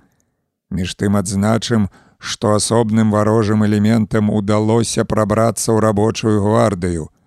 Так у трэці батальён пралезлі былы сяржант польскай арміі сасноўскі, дывілінскі паліцэйскі рынкевіч. Грамада глядзіць на рагвардаў, як бы высвятляючы, ці не сасноўскі з рынкевічам стаяць пасярод вуліцы. У зарэчча іду не на прасткі, а даю кругаля, ахвота прайсціся па цэнтры ды зірнуць, што там робіцца. На Мецкевіча вобмаль мінакоў і зусім няма машын. Машын паменіла адразу ж, як пачалася вайна. Прыватны транспарт рэквізавалі на карысць войска. Зараз павільні сноўдаюць толькі савецкія грузавікі. Адзін з іх, крыты брызентам, стаіць каля гандлёвага дома братоў ябалкоўскіх. Чырвонаармейцы выносяць з магазина вялізныя скрыні і, азіраючыся спехам закідваюць у кодаб. Пяціпавярховы гмах зеўрае на свет сваімі цёмнымі вокнамі. У маленстве я любіў хадзіць сюды з маці і прасіў купіць цацку. А маці цягнула за руку і зацята мармытала, як усё дорага. А аднойчы наогул згубіўся ў натоўпе і па радыё абвясцілі. Хлопчык у сініх майтках знаходзіцца ў пакоі адміністрацыі. На рагу Мецкевіча і ахвярнай, дзе месціўся гарадскі суд, цяпер месціцца НКВД. Дома гэтага маці страшэнна баіцца. Ды не толькі яна, Гуні мінакі, якія ішлі па ходніку, перабягаюць на другі бок вуліцы. Перабягаю і я, краем вока пазіраючы на вайскоўцаў у даўгіх шынялях, якія стаяць каля галоўнага ўвахода. Над кафедральным пляцам уздымаецца лёгкі дымок. Гэта чырвонаармейцы расклалі перад саборам вогнішча і вараць у казане сёрбанку. Адзін з чырвонаармейцаў, худы і вускавокі памешвае ў казане лыжкай, падміргвае мне мангольскім вокам, і нейкая старая пані, што дыбае поруч, спалоха нажагнаецца: Анёле Божы. Па старой завядзёнцы спыняюся на мосце праз віленку. Рачулка ўсё так жа бруіцца між кустоў і ўсё так жа расчэсвае даўгія космы водрасцяў. А вось бернардзінскі сад змяніўся. Ліпы скінулі зялёныя шаты і марнеюць на пагорку шарнелыя і змрочныя, як тыя мніхі з капюшонамі на галовах, якіх бачыў улетку ля станіслаўскага касцёла. Змяніўся і колер вады ў рэчцы. Дагэтуль рака мела брунатную водцень, а тут раптам прасвятлела, адкрыўшы вачам мазаіку рознакаляровых каменьчыкаў на дне. Я задзіраю голаў. Шчыльная пона хмараў паволі расхінаецца, саступаючы месца ружовай смузе, і ў ружовае акенца зазірае бялёсае сонца. Вада ў віленцы бруіцца больш імпэтна, мазаіка на рачным дне ажывае, пачынае варушыцца, а на самой вадзе адбіваюцца зырка змяістыя блікі. Гэта сонца напярэдадні халоднага кастрычніка пакінула свой аўтограф. Паленне ў дзядзькавым двары складзенае пад страхою ў вялізны касцёр, і я паціраю руки. Дзверы доўга не адчыняюць, нарэшце бразгая клямка і ў пройме мільгае ўстрывожаны твар. О, стары сябрук, басіць гаспадар, і я заходжу ў прыцемныя сені. Колькі бываю ў гэтай хаце, столькі дзіўлюся колькасці кніг, якія тут сабраныя кнігамі забітая шафа. Іх стосы мініяцюрнымі небасягамі высяцца на пісьмовым стале, помняць бамбукавую этажэрку, а важкі фаліян прымасціўся на краі квадратнай кадзі, у якой лапушыцца мядведжая лапа. У нас некалі расла такая дэссохла. Ну як спадабалася, пытаецца дядька Янка, пабачыўшы, як я цягну з-за пазухі у глыбі палесся. Кніжку я так і не прачытаў, а гораў толькі некалькі старонак някрэслена перасмыкваю плечукамі. Ты хоць прачытаў, хто там галоўны герой? Лабанович, А хто ён такі? Вясковы настаўнік, мармычухат кагаворкай і папярэджваючы іншыя пытанні, працягваю бацькаву цыдулку. Дядька разгортвае паперку, у прыкмет насупліваецца. І што?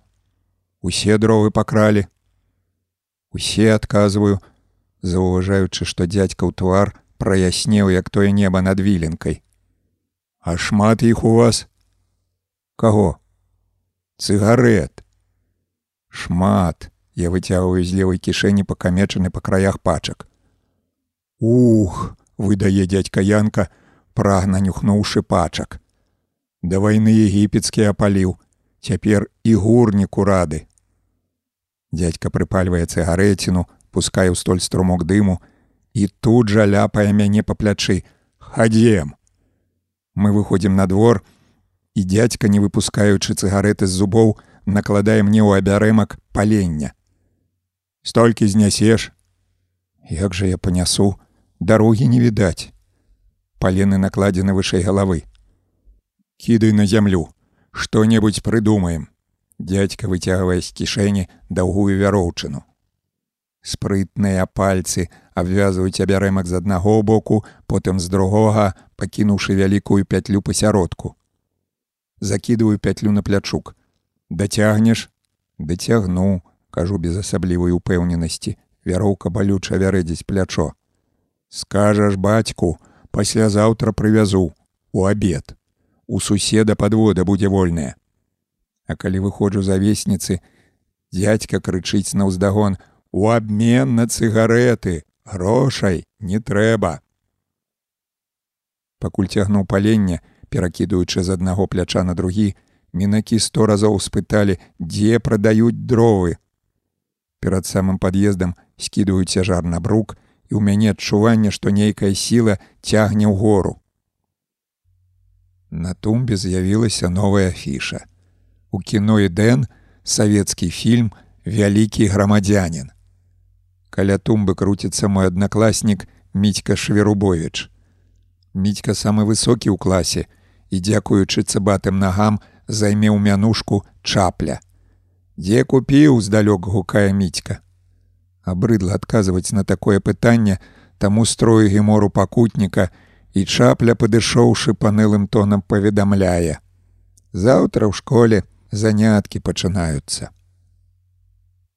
да пад'езда іду ледзь жывы і ўжо не нясу дровы а цягну за вяроўчыну ці гаварыць маці пра пачатак заняткаў менавіта гэтая думка а не цяжкая ножка канчаткова знясіліла Маці казала, што ў бальшавіцкую школу не пусціць. А як возьме ды выправіць. А як пойдзеш, калі трэба бацьку дапамагчы дровы выгрузіць, ды ў дрывотню занесці. Два тыдні ў школу не хадзіў, прапушчу яшчэ адзін дзянёк. Думка такая надае сілы. Увайшоўшы ў пад'езд на верхні іду, спускаюся ў падвал, стукаю ў дзверы юзікавай кватэры, і перадаўшы сябру два палены паведамляю што паслязаўтра ў абед пад'едзе падвода з дровамі і можна будзе разжыцца якім абярэмкам дядька янка толькі пад'язджае да дрывотні а з дома ўжо выбягаюць людзі пытаюцца ці прывязе ён ім дровы лядачы шарай масці конік які запрэжаны ў падводу гучна пырхае А дядька роблена заняпалым голасам тлумачыць, што і сам не ведае, як прыцягнуць да вясны, бо дрову ў яго зусім няшмат. Не памрэм з галадухі, Дык ад холаду дакладна з калеем, шамкая старая цётка ў накінутым на плечы політоне. Я яе ўпершыню бачу, відаць уцякачка. І ў новым свеце ўзяліся дрывотні чысціць. Мужчыны сталі па чарзе ў іх начаваць, і злапалі двух, а яны, як аказалася, з рабочай гвардыі. Гамузам я, юзік, маці з бацькам і дядька Янка цягаем паленне з воза ў дрывотню.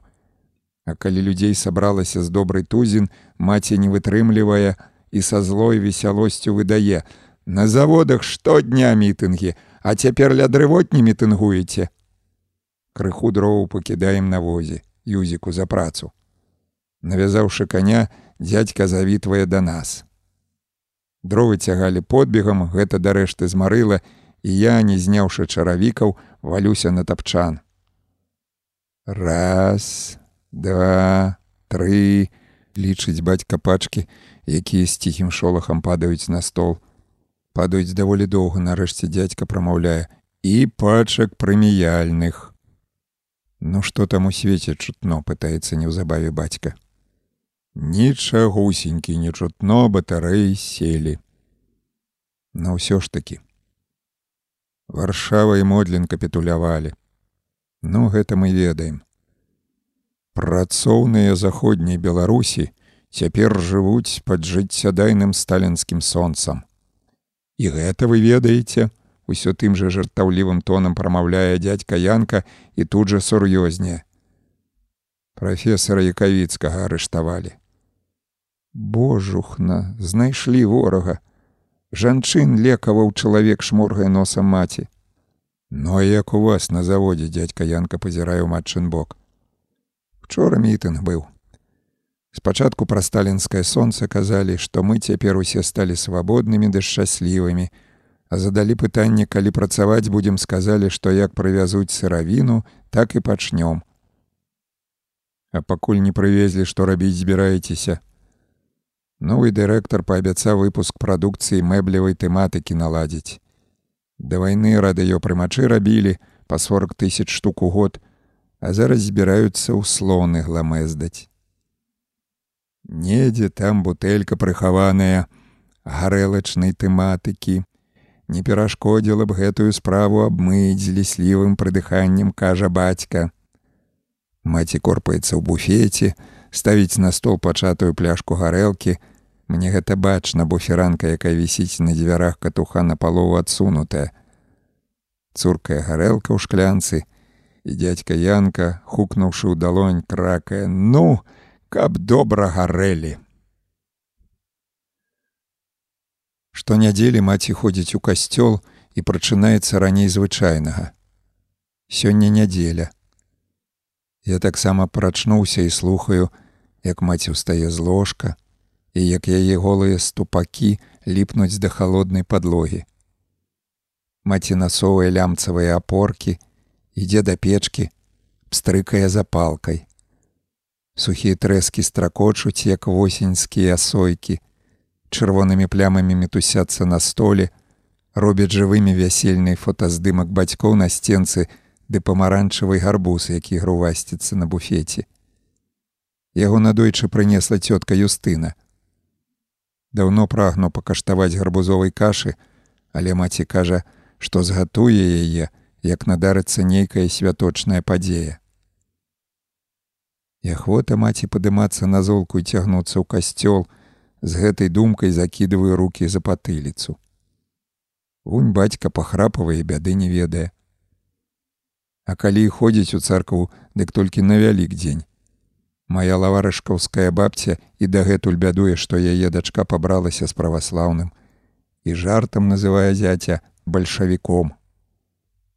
Маці сядзіць на зэдліку каля печы, утрапёна глядзіць на агонь, які тым часам паспеў жаўцець, і жоўтыя вогнікі жвава блукаюць на кудзерках матчыных валасоў.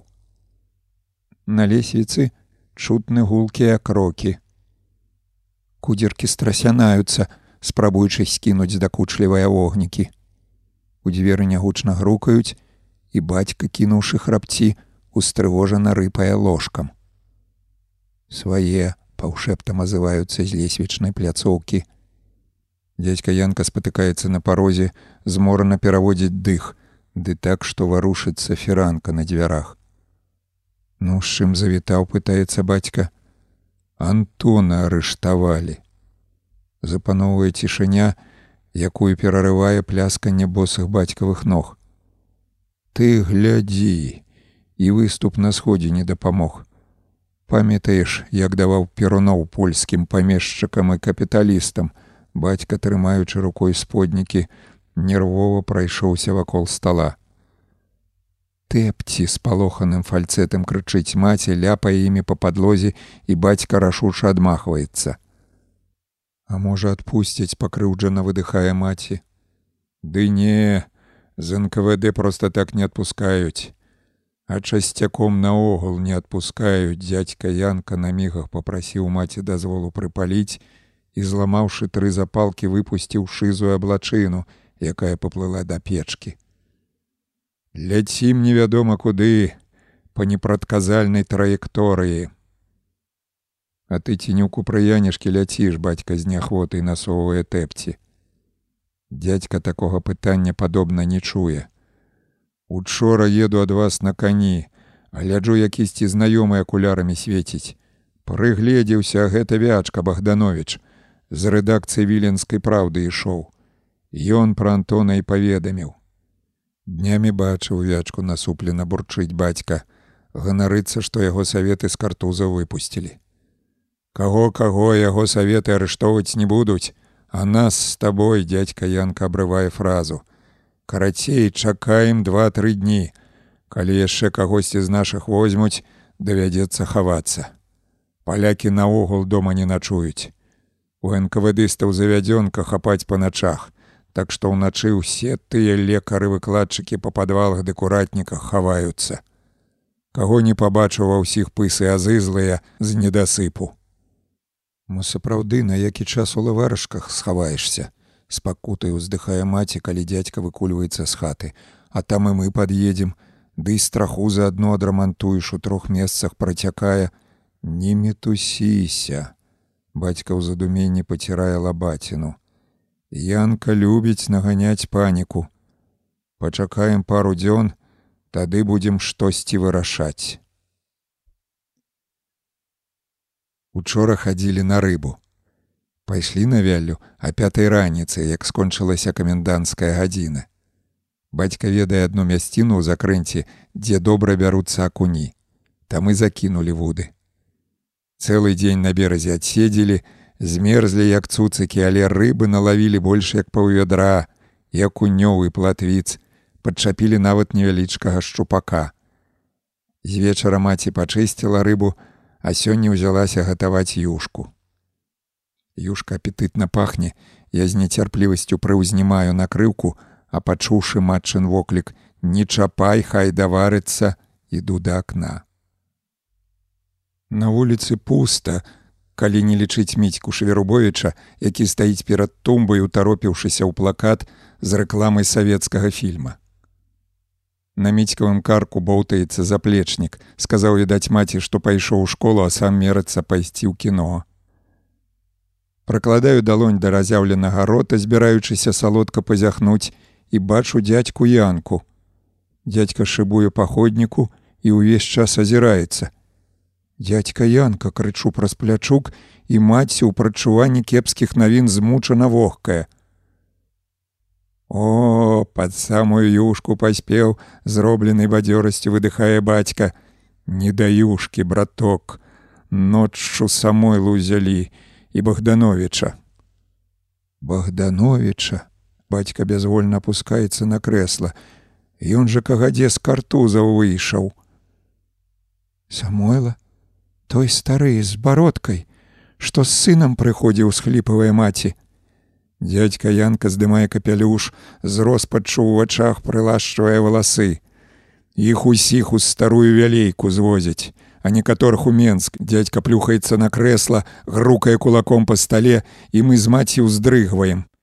Не вы чулі галоўнымі ворагамі беларускай савецкай сацыялістычнай рэспублікі з'яўляюцца свядомыя беларусы, каб вы падлы спрахлі разам са сваім вусатым правадыром.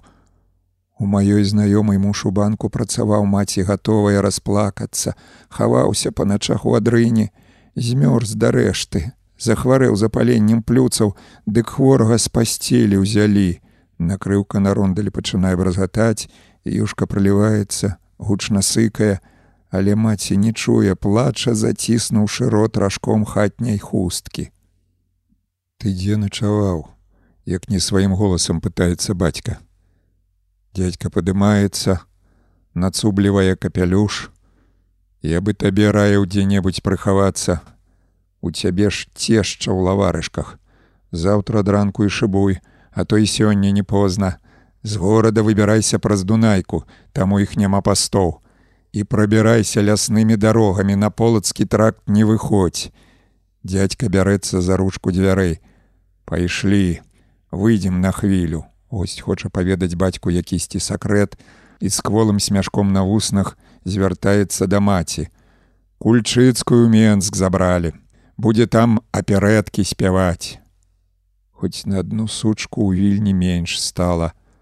Гамзае маці скрозь слёзы, здымае накрыўку з рондаля, тая падае і з грукатам коціцца па падлозе. Ноччу не спім, уздрыгаючы ад кожнага зыку. Бацька збіраўся падавацца ў лаварашкі адразу па абедзе і сабраў кайстру з бялізнай, ды маці адгаварыла. Сказала, што ўсялякія сур'ёзныя справы трэба рабіць з раніцы. Цяпер бацькі, пачуўшы крокі на вуліцы на выперадкі зыркаюць у акно. Знадорку свеціць белы ветах, заліваючы пакой серабрыстым святлом, і на яго тле бацькава кайстра, якая грувасціцца на стале, здаецца маленькай невыразнай формы пачваркай. Я ляжу нерухома, углядаючыся ў цёмную столь і неўзабаве пачынаю насцярожана лыпаць павекамі. З вуліцы далятаюць нечыя шаргатлівыя крокі. Гэтым разам да акна падбягае маці. Патруль пастаялі і пайшлі да пагулянкі. Чаго бегаць? Энкавадысты на машынах праязджаюць, гэтак жа ціха адказвае бацька. Трэба было ў дрывотні пераначаваць. Ага, у дрывотні матчын голас убіраецца ў сілу, каб запаленне плюцаў падхапіць. Навокал пануе наструненая ціша, я нават баюся дыхаць. Дзесьці далёка ці то наявіце, то ў сне нараджаецца здушаны зык. Усё адно як дзіцё плача, убіўшыся тварам у падушку. І вось ужо дзіцячыя енкі гучаць непадалёку, і я прачынаюся. Машына з панікай шапоча маці. Залятаю ў пакой і наляцеўшы на бацьку адчайдушна гукаю: бяжым у падвал. На злом карка босаноші ў адной кашулі лячу па лесвіцы ў скронях разам з гарачай крывёй пульсуе думка хутчэй бы адчынілі. Косткі пальцаў стукаюць па бляшаных дзвярах з надпісам рамонт абутку і тыя адразу ж адчыняюцца. Мы з бацькам праслізваем у дзверы, заміраем нерухома. У цёмным куце хтосьці варушыцца, і я заўважаю, што тут апрача юзіка і ягонай маці яшчэ два чалавекі мужчына і жанчына. Прыглядаюся і пазнаю суседзяў цёткі юстыны. Нос казыча пах абутковага клею, а пяткі смыляць ад холаду цэментавай падлогі. Насунь тэпці звяртаецца да мяне юзікава маці, потым падае нейкі абутак бацьку, і той сарамліва ціснецца да дзвярэй, паціраючы далонямі споднікі. У суседнім доме лямантуе жанчына. Пана Шверубовіча вяжуць, азываецца з цёмнага кута сусед цёткі юстыны і мяне пачынае даймаць дрыготка. Бацька трасе за плячук, бяжы да хаты, змёрз увесь, я пазней прыйду, як машына ад'едзе. Маці сустракае на парозе, тыцкаюся лбом у цёплыя грудзі, дрыжу ўсім целам і маці лашчыць мяне па спіне. На стале, там дзе ляжала бацькава кайстра, стаіць школьны заплечнік. Учора да нас прыходзіла настаўніца і пытала, чаму не хаджу ў школу. Сёння мусіў пайсці, але ўсю ноч даймалі дрыжыкі і маці, памацаўшы раніцай мой лоб прамармытала, дабегаўся басанож. Зранку хоць і калаціла ды злёгку, цяпер жа трасуся як асінавы ліст і лоб гарыць як варам апараны. Укруціўся ў дзве ватныя коўдры, але не даю рады сагрэцца. І што дзіўна, заплечнік варушыцца ў адчу. То пашыраецца ў памерах, то змяншаецца, то расплываецца бруднай плямай. Маці запарыла шклянку ліпавага квету, а сама пайшла на завод, даведацца, ці будзе той працаваць. Адвар, ляскаючы зубамі па шклянцы выпіў, але мне толькі горш зрабілася. Каб пазбыцца дрыжыкаў, з галавой зашываюся пад коўдру і чую, як ад пагулянкі, з перарывіста плаксівым гудам едзе легкавушка. НКВДсты. Тапчан круціцца пада мною, я задыхаюся, адкідваю коўдру, і слых поўніцца аднастайным гудам. Ужо не адна, а сотні чорных легкавушак едуць да нашага дома.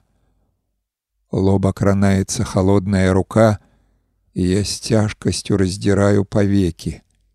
Маці агнём гарыш горайка ты маё чубатая. У кватэры прыцемна. Маці не здымаючы палітона подкидывае трэсак у печку гучна бразгоча чайнікам а можа і не гучна просто кожны нават кволы гук б'е ў вушы і мне ад таго робіцца страшна выпі зубы б'юцца аб край шклянкі гарбата з малінавым сочывам. Маці ўлетку згатавала сочыва аж тры слоікі. Два я ўжо з'еў, а трэці яна прыхавала. Тапчан ужо не круціцца, але галава гарыць агнём, а па спіне збягаюць струмені гарачай вады. Вочы засціць пара. Гэта мы з бацькам мыемся ў лазні на пагулянцы. Бацька шугае на распаленыя камяні конаўку квасу, у твар б'е пякельная гарачыня. Вада, што льецца аднекуль з гары, робіцца ўсё больш халоднай, і я размежваю павекі. Глыбокая ноч і мёртвая ціша. Мацаю млявай рукой мокрую чупрыну і клічу маці. Як злазні выкуліўся, матчыны пальцы мацаюць грудзіну, кладзіся пакуль на маю пасцель буду бялізну мяняць. Не адчуваючы ўласнага цела, з матчынай дапамогай раблю пяць крокаў і кулём падаю на ложак. Мяне абуджае прыдушаны шэпт. Цэлую ж ноч гарэў, а потым пацеў, два разы бялізну мяняла. У мяне калева мёду засталося, магу прынесці. Гэта маці перамаўляецца з цёткай юстынай. Ну а на працу хадзіла, калі ўжо пачняце працаваць, Усё такім жа здушаным шэптам пытаецца цётка. Як жа, пачнём. Прыходжу учора, а там варштаты на машыны грузяць. Завод з усім майном і прычындаллем у саветы перавозяць. А каля заводскай управы міхалеўская круціцца з майго цеха. Ёй прамову напішуць, а тая на мітынгах чытае. Што гавару, дагарлалася, а яна ў адказ мацюгамі. Саветы ёй некую пасаду паабяцалі. Во грабежнікі. А пра шчаслівае жыццё гаварылі цётка Юстына гучна смаркаецца. Без працы можна неяк пражыць. А як мне жыць без стадыка? Нявестка учора прыходзіла, разам паплакалі. У дзверы нясмела стукаюць. Ён спіць, прыглушана шапоча маці, і я крычу са свайго катуха ўжо прачнуўся. Юзік доўга блытаецца ў фіранках, якія маці шчыльна зацягнула. Ну як ты? перасмыкаю плечукамі. Учора на мітынг хадзіў голас юзікаў поўніцца жарсцю. А дзе быў мітынг? На лукішскім пляцы. І што там было?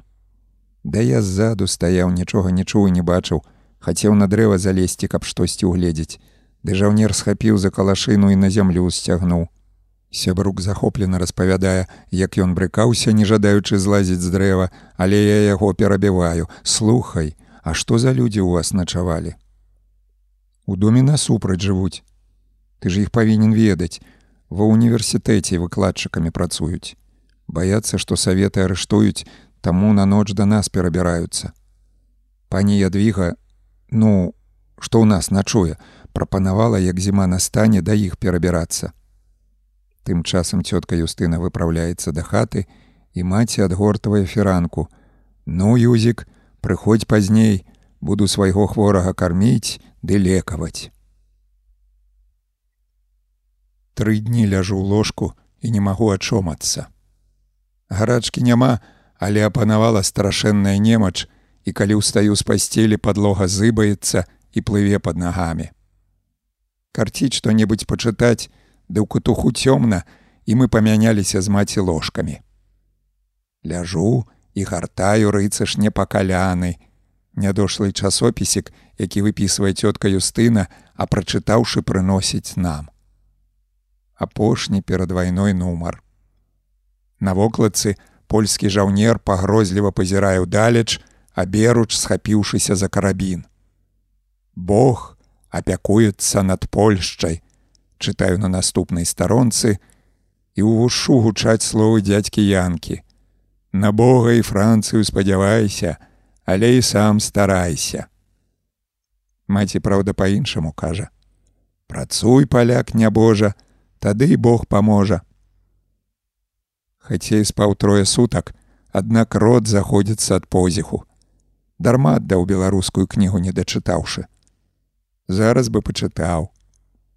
Там малады настаўнік ехаў на радзіму. Спачатку на калёсах, потым цягніком, выпадкова сустрэў старога сябра, яны зайшлі ў мястэчка і сталі граць з мясцовымі ў карты. І так доўга гралі, што давялося адкінуць кніжку. Маці спіць у катуху. Змучылася, начамі каля мяне бегаючы. Па лесвіцы хтосьці тупае. Цётка Юстына. Звычайна цётка стукаецца, як і юзік, асцярожна з перарывамі, а тут грукае, як мае быць. Маці улякнутая, расціраючы далонню прыспаныя вочы, выбягае з катуха, шорхае па падлозе голымі пяткамі. Пачуў пан Бог нашы малітвы, Цётчын голас дрыжыць, хрыпіць і зрываецца, а жалобная хустка збілася на патыліцу. Нас літве перадаюць. Якой літве? Ковенскай, якой жа яшчэ? Усю Польшчу, Ды не адну вільню.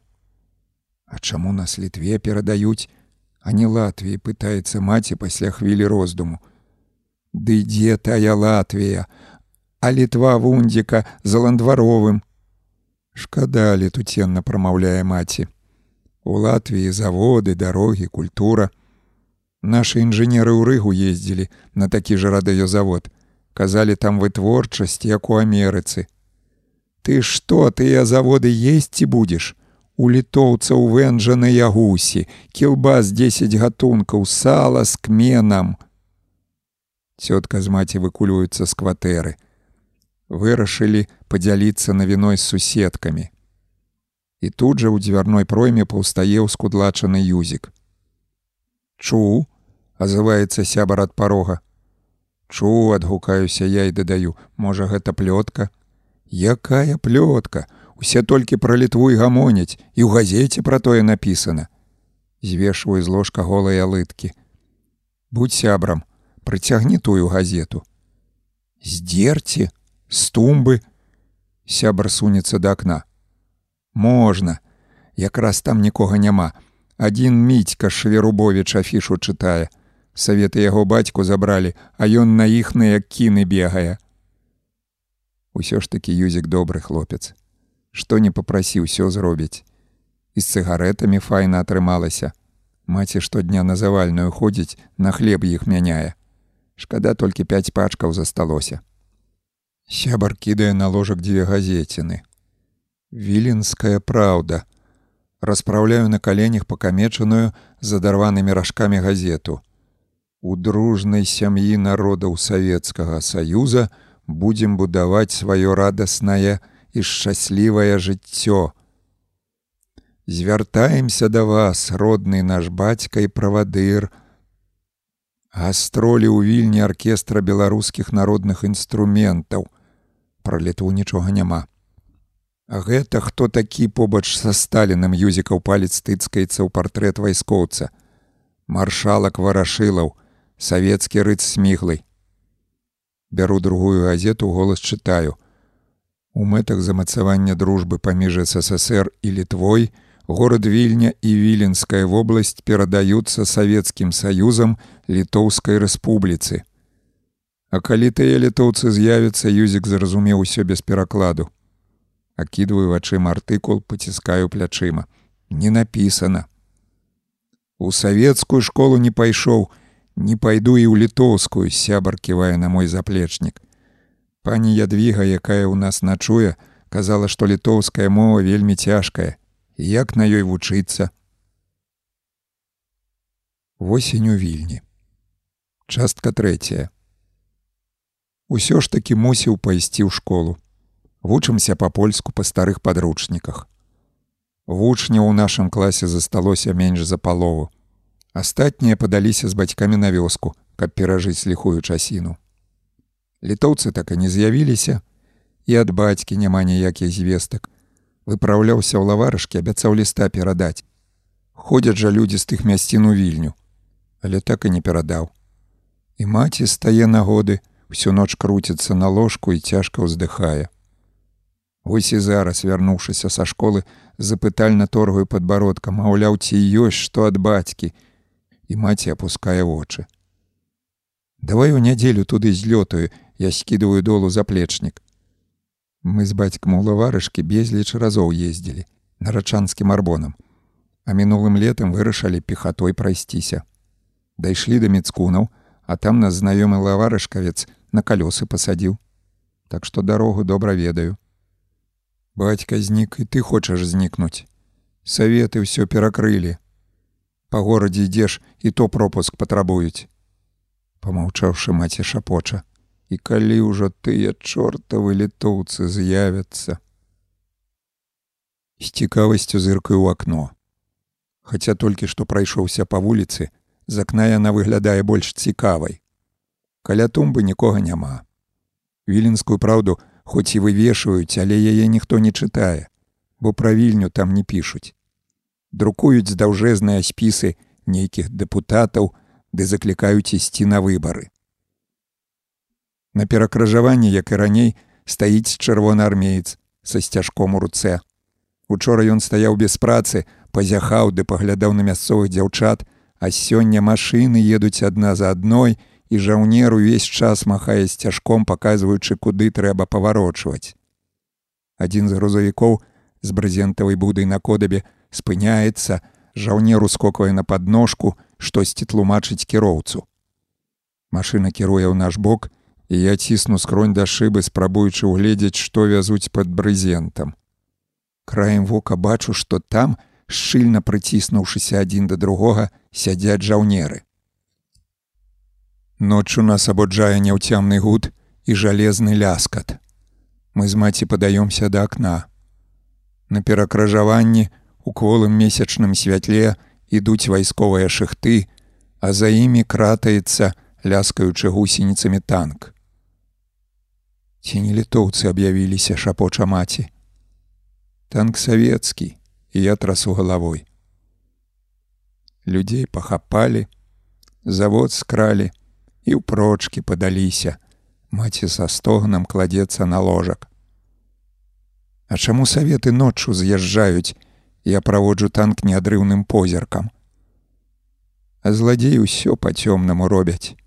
Маці адварочваецца да сцяны, і здушана плача. У школу ходзім з міцькам шверубовічам. Шторанку падыходжу пад ягоныя вокны, свішу чатыры пальцы. Сёння ж міцька сам сустракае мяне каля пад'езда. Чуў, бальшавікі ноччу з'ехалі. Ведаю, адказваю без усялякай ахвоты і ўбіваю галаву у плечы. Наперадзе, па вялікай пагулянцы, цугам ідуць вайскоўцы. Ідуць не проста так, а коцячы поруч ровары. Літоўцы лапоча чапля, і мы бяжым насустрач цугу. Паспяваем убачыць толькі апошніх раварыстаў. Следам за імі, нервова тузаючыся і засцячы пагулянку шызым дымам, рушыць маленькая танкетка з кулямётам на вежы замест гарматы. Мы з міцькам сунемся бліжэй, каб лепш разглядзець гэтае дзіва і бамбіза у чорным шанялі і ў фуражцы з чырвоным верхам зласліва трасе кулаком. Народу на ходніках няшмат, а тыя, хто ёсць смяюцца, то і рагочуць, паказваючы пальцамі на танкетку. Ну і войска галёкае хударлявый пан за вусамі як у пілсудскага дзве танкеткі, тры гуляй нагі прыехалі да нас на перагі. Усе наўкол рагочуць, а вайсковец, што вытаркаецца з танкеткі прыязна пасміхаецца, думае, што на ягоны адрас сказалі штосьці добрае. Следам грукаюць ботамі абвешаныя гранатамі жаўнеры. Глянь, якія ў іх каскі торгае за рукаво міцька шверубович, на перакуленыя казаны падобныя. Каскі нямецкія з той вайны не сунімаецца даўгалыгі пілсудскі. Не іначай у восемнадцатым годзе нямецкі склад абрабавалі. Ці пойдзем у школу, пытаюся ў міцькі, і той мне на радасць адказвае: « Якая школа, не бачыш, дарогу перакрылі. Да хаты, у волю набегаўшыся вяртаюся адвячоркам. На лесвіцы ледзь перастаўляю ногі, адчыняю дзверы і чую вясёлы смех. Бягу ў святліцу, абхопліваю бацьку за шыю. Той сядзіць у новай кашулі і есть па выпадку ўзвараную гарбузовую кашу. Лаба, скажа бацька, і я няўцямна лыпаю вачыма. Прывітанне па-літоўску, прывыкай да гэтай мовы даводзіцца пацерці лабешнік, запамінаючы мудрагелістае літоўскае слово. Заплечнік зрываецца з плечука, гучна падае на падлогу. Заняткі былі, пытаецца бацька і, не чакаючы адказу, працягвае перарваны маім прыходам аповед. Карацей, гнілую дранку на хаце замяніў, плот адрамантаваў, палову хлява новай саломай перакрыў. Ну і кабана закалолі, сусед дапамог. Бацька прыехаў з лаварышак не з голымі рукамі. На стале ляжыць аполец сала, з-за яго вытыркаецца ладны, з жоўтымі кроплямі тлушчу куст тварожнага сыру, а на дзверцах шафы вісіць, кранаючыся падлогі вянок цыбулі. Юстына казала, літоўцы наўрад ці затрымаюцца маці накладае ў місу гарбузовай кашы. А ну раз Юстына казала, так яно і будзе. Бацька падмігвае мне вясёлым вокам, маўляў, бяры лыжку і сядай за стол. Мяне запрашаць за стол не трэба, прогліца напала такая, што асца з роту цячэ. Вы з юстынай кепска ведаеце літоўцаў. Бацька таксама добра згаладаўся, есть кашу так, што нос угінаецца. У іх там немаўля нараджаецца, а яму кажуць: вільня наша, так што іх адсюль поплескай не выганіш. Як жа, іхне, маці ў прыкмет злуецца. Ды я амаль усё жыццё ў вільні пражыла, і толькі аднаго літоўца бачыла. Працаваў у нашым цеху, і той па-польску размаўляў. Скуль тут літоўцы возьмуцца. Скуль з літвы прыедуць. Ага, ускінуць майно на калёсы, пасадзяць смаркатых дзяцей на клункі і наперад.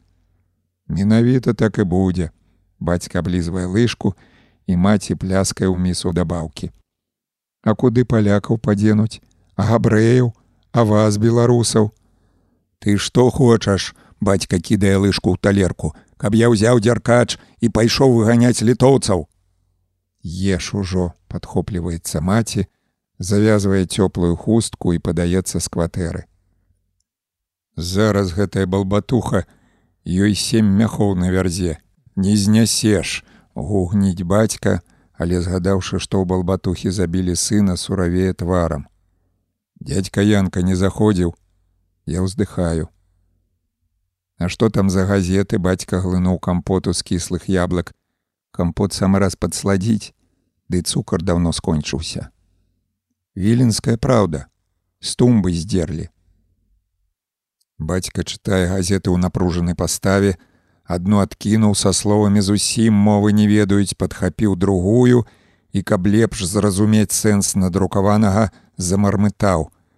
Савецкаму саюзу прадастаўляецца права трымаць ва ўзгодненых пунктах літоўскай тэрыторыі строга абмежаваную колькасць савецкіх наземных і паветраных сіл. Цяпер зразумела, чаму Сталін ім вільню ўплішчыў. Бацька падхопліваецца, абыходзіць па прыкладу дзядзькі янкі стол, зноў убівае вочы ў газету. Прываюся спытаць, з якой нагоды Сталін уплішчыў вільню. Але пакаштаваўшы тварожнага сыру, забываюся пра ўсё на свеце. Сыр страшэнна смакуе, і я за салодаю запіваю яго кіслым кампотам. Вятрыска ўсхадзіўся не на жарты. Б'е ў шыбы, шамаціць выпетранай лістотай, ганяючы яе па бруку. Раней лісце прыбіралі дворнікі, зараз ім завалены двары і вуліцы. Такою парою, калі вые ветер, калі на даху бразгоча адарваная бляха і ціха брынкая пячная юшка, горад здаецца пустэльным і страшным. Бацька храпе на ўсе застаўкі. Зім такое здараецца. Зазвычай маці яго будзець, просіць павярнуцца на правы бок але зараз толькі ўздыхае, варушачы подыхам фіранку на дзвярах. Ну і дзіва, я неадрыўна пазіраю на столь. Было места польскім. Потым прыйшлі саветы і стала савецкім. Цяпер жа невядома, адкуль прыйшлі літоўцы. А дзе беларусы? Чаму яны не ідуць? Бацька з дядзькам янкам кажуць, што беларусы сялянская нацыя, і што гарады захапілі іншыя народы. А чаму ж тады ў лаварышках сяляне хоць і размаўляюць па-простаму, але сябе палякамі называюць. Прывязі ў лаварышкі беларускага ксяндза, ды адчыні беларускую школку, а тады испытваю тамтэйшага люду нацыянальнасць, сказаў аднойчы дядька Янка. Спрабую заснуць. Заўтра святочны дзень, урачыстая сустрэча літоўскай арміі і ад самага ранку будуць званіць у касцёлах. І, панурыўшыся праз хвілю у сонную замарач, чую далёкі звон. Я пазнаю яго. Так, з надтрэснутым гудам бомкае касцёл у зарэчы. Пасля начной бессы не прачынаюся позна. Ці русіць дробны дождж, званы не звоняць, і нават вецер, які ўсхадзіўся з вечару аціх. Чутны адно асцярожлівы шорхат. Гэта бацька голіцца перад люстэркам. Пагаліўшыся пырская на падбароддзе адэкалон, гучна кракае, і я канчаткова абуджаюся. Бульба сёлета ці ўрадзілася, пытаецца маці. Урадзілася і выкапалі за два дні. Зямля сухая. А што ў лаварышках пра вайну кажуць? Ды там адной ведаюць, што вайна пачалася, бо людзей у войска забралі. Брат той стрыечны, табе, дарэчы, прывітанне ад яго, пытаўся, ці хутка палякі з французамі Берлін будуць браць. А пазаўчора ксён завітваў. Цэлую гадзіну распытаў ды пацеры перабіраў. Вось дзівяцца лаварышкаўцы, як даведаюцца, што іх да літвы далучылі гучна пазяхаю, даючы зразумець, што прачнуўся і падымаюся з ложка. Не паспяваю даесці гарбузовую кашу, як пад вокнамі ўжо свішча рыц. Мы з ім дамаўляліся ісці на дэфіляду. Аддасі гасцінец сябру. Маці адразае ад апольца ладны скрыль сала, кладзе ў торбу і, падумаўшы, вылузвае звянка колькі цыбулін. На дэфіляду ідзем у трох, я бацька і юзік. Яна падобна пачалася, бо з кафедральнага пляца, адбіўшыся ад дажджыста попельнага неба, далятае барабаннае буханне і людская гамана. Пасярод вялікай вуліцы стаіць літоўскі паліцыян, паказваючы рукою бок кафедры. Бацька са здзіўленнем глядзіць на ягоны строй, чорны шанель, з двума радамі бліскучых гузікаў і дзіўнага крою шапку з цэшкай, белым старчаком і чырвоным верхам. Паліцыянта ў літве калакутасамі клічуць, што значыць індыкі. Памятаю свой час падзівіўся, скуль такая мянушка, кажа бацька, разглядаючы калакутаса. Людзей на вялікай процьма і ўсе рухаюцца ў бок пляца. А добра, што сюды прыйшлі літоўцы, пытаецца юзік. Ведаеш, хлопец, адразу не адкажаш. Бацька глядзіць на крыж мікольскай царквы. Тое, што прыйшла ўлада, якую ніхто не клікаў і ніхто не чакаў, гэта мінус. А тое, што сышлі саветы, гэта плюс. Зірнуўшы яшчэ раз на крыж бацька хрысціцца, чаго раней ніколі не рабіў. Вакол кафедральнага пляца цёмна ад народу і прабіцца наперад немагчыма. Стаім сціснутая з усіх бакоў і бачым толькі вайскоўцаў са сцягамі якія шыхтаваліся на ганку сабора. З гучнага варыльніка вырываецца на прасцяг знявечаная рэхам прамова і немагчыма разабраць аніводнага слова. Прамаўляюць падобна па-літоўску. У гэты момант нехта чырванатвары з кленападобнай бародкай прабіраецца скрозь натоўп рукаецца з бацькам Ну як маешься, дзе хаваешься, бацька ляпае знаёмца па плячы. Адным сказам не павядзеш, адказвае знаёмец і наструніўшы слых, выстаўляе ў гору палец. Рэпрадуктор керхая трашчыць і пачынае гаманіць па-беларуску.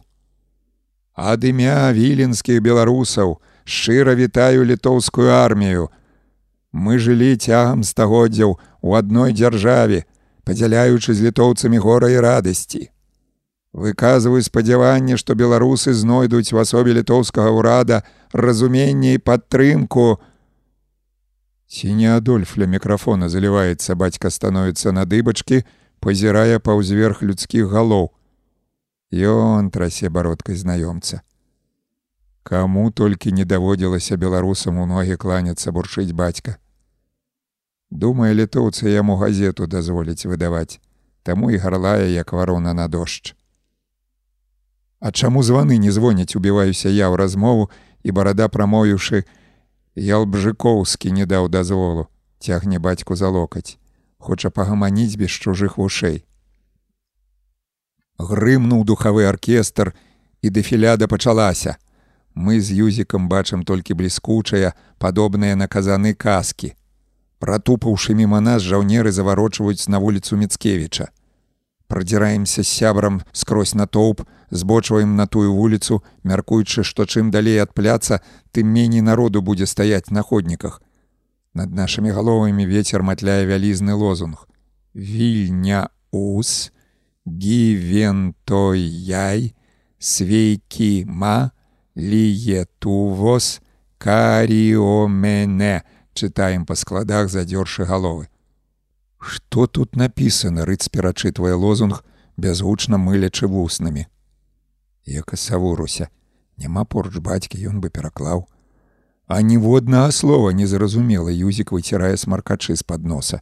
Ад нашых сувалак да літвы недалёка але ніхто да іх не едзе і яны да нас не прыязджаюць Дык прыехалі ж, з кветкамі сустракаюць. Унь зерні. Да жаўнераў раз за разам падбягаюць кабеты з вялізнымі букетамі. Ды цётка радуецца, што саветы сышлі, а не таму, што літоўцы прыехалі, кажа сябар, і я падумаўшы пагаджаюся. А што за сцягі павесілі? Дзе? Ды вунь, чырвона, зялёна-жоўтыя. А чорт их ведае адмахваюся ад сябра пытаешься быццам я літовец рыц шморгае носам я лезу ў натоўпа калі азіраюся сябра за спіны ўжо няма пакрыўдзіўся ёсць у юзіка такая паганая рыса. Крыўдзіцца з любой нагоды. Пайшлі на дэфіляду ў трох а зараз я адзін застаўся ну дык не прападу і з гэтаю думкаю выбіраюся на край ходніка праваруч стаіць маладая кірпатая пані, якая ўвесь час тыцкае мне ў твар мокрым букетам. Адпіхваю кветкі, але пані сюд тут нахіляецца, казыча нос махровай астранай. Нарэшце крыкнуўшы: Вой! Кірпа вырываецца наперад і аддае букет вершніку на буланым кані. А мне падабаецца вунь той, што з таго краю едзе, гугнявіць другая пані, сяброўка кірпы і дзяўчыны, прыкрыўшы раты далонямі, пырскаюць гуллівым смехам. Прыехалі б кітайцы і іх кветкамі засыпалі б, сіпата прамаўляюць за спінай, і дзеўкі, азірнуўшыся, аціхаюць. А коні ўжо мой-то ў добрая. Няйначай аўсом кормяць, зазначае той жа самы голас. Это ў саветаў, манголкі ішлі ды хісталіся. Кафедральны пляц скаланае гучны рокат, паветра зацягвае шызая смуга, і вось ужо па вуліцы едуць танкеткі. Танкеткі зусім маленькія, вышынёй прыкладна з калакутаса, што важна, як той індык ходзіць непадалёку. На такіх драндулетах да варшавы не даедзеш, не кажучы ўжо пра Берлін, не сунімаецца ўладальнік сіпатага голасу. Старыя французскія рыно, Гэта не рыно, гэта брытанскія вікерсы крычаць ля майго вуха. Якія вікерсы, Я што, вікерсаў не бачыў пярэчыць сіпатай, і кірпа, адчуўшы, што прыйшла пара сказаць слова, гугнявіць праз плячук. Панове, перашкаджаеце глядзець дэфіляду. Танкетак у літоўцаў даволі шмат. Колькі стаім, а яны ўсё едуць і едуць. Я ўжо змёрз і шморгаю, як той юзік носам. Нечакана сіпун керхае для прачысткі горла і галёкае на ўсе затаўкі. Па коле ездзяць, соты, сто першы, трэцім разам іх бачу. Танкеткі пазначаныя лічбамі, і гэта іх выдала. Наўкол смяюцца, зычна свішчуць, кабета ў чорным капелюшы, што стаіць пад бокам ашалела гарлая, прэч адсюль жмудзяцкія блазны. Тым часам кірпа з сяброўкай шлюць танкістам паветраныя пацалункі і тыя прыязна ківаюць галовамі. Ліхенькі палітон не грэе. Іду да хаты на прасткі дварамі, і на наваградскай мяне траха не збіваюць з ног. Збой хлопцаў ляціць насустрач, бязладным тупатам скаланаючы наваколле. Куды ляціце, як ашалелыя! Енчыць старая бабця, прыхаваўшыся за ліхтарняй. Літоўцы дармавую кашу даюць, чуецца ў адказ, і я разгублена азірнуўшыся, бягу следам за хлопцамі. На бойкім месцы, перакрыжаванні наваградска і пілсудскага, у атачэнні натоўпу стаяць, пыхкаючы парай, дзве палявыя кухні. У людзей, што тоўпяцца ля кухань, у руках збаны місы, талеркі і нават плеценыя кашы. Залятаю ў хату ды так, што маці падскоквае з перапуду, грукнуўшы па пліце чайнікам хапаю мядніцу, у якой маці мае посуд і падаюся да дзвярэй. Ты што звар'яцеў, Навошта табе мядніца гучыць за спінай, але я ўжо збягаю па лесвіцы. Каля кухні жалезнага бака з адкінутай накрыўкай завіхаецца жаўнер у цэратавым хвартуху і з вялікім чарпаком у руцэ. Падступіцца да яго няма ніякай магчымасці. Кладзіце ў прыпол, крычыць нейкая цётка, і кухар кладзе ёй ладную порцыю. Паставіўшы мядніцу на голаў, спрабую прабіцца да кухні.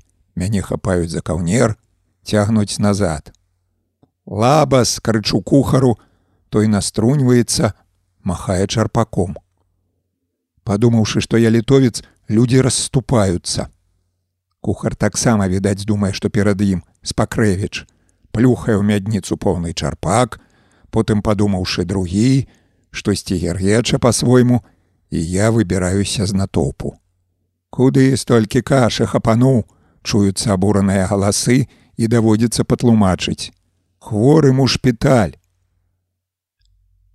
У пакоі апетытна пахне кашай і не абрыдлым панцаком, а грэчкай, прыпраўленай кавалкамі мяса. Хоць і прынёс звулкі, але каша гарачая і абпальвае паднябенне. На парозе з'яўляецца бацька, уража наводзіць носам і маці накладае яму поўную талерку літоўскага смакоцця. Бацька кідае на вяшак капялюш, падаецца да стола. Ты палітон зняў гугнявіць з поўным ротам кашы маці. Агорыўшы дзве талеркі, бацька аблізвае лыжку. Далі Бог, мне літоўцы пачынаюць падабацца. Войска ў іх кволае, затое каша магутная.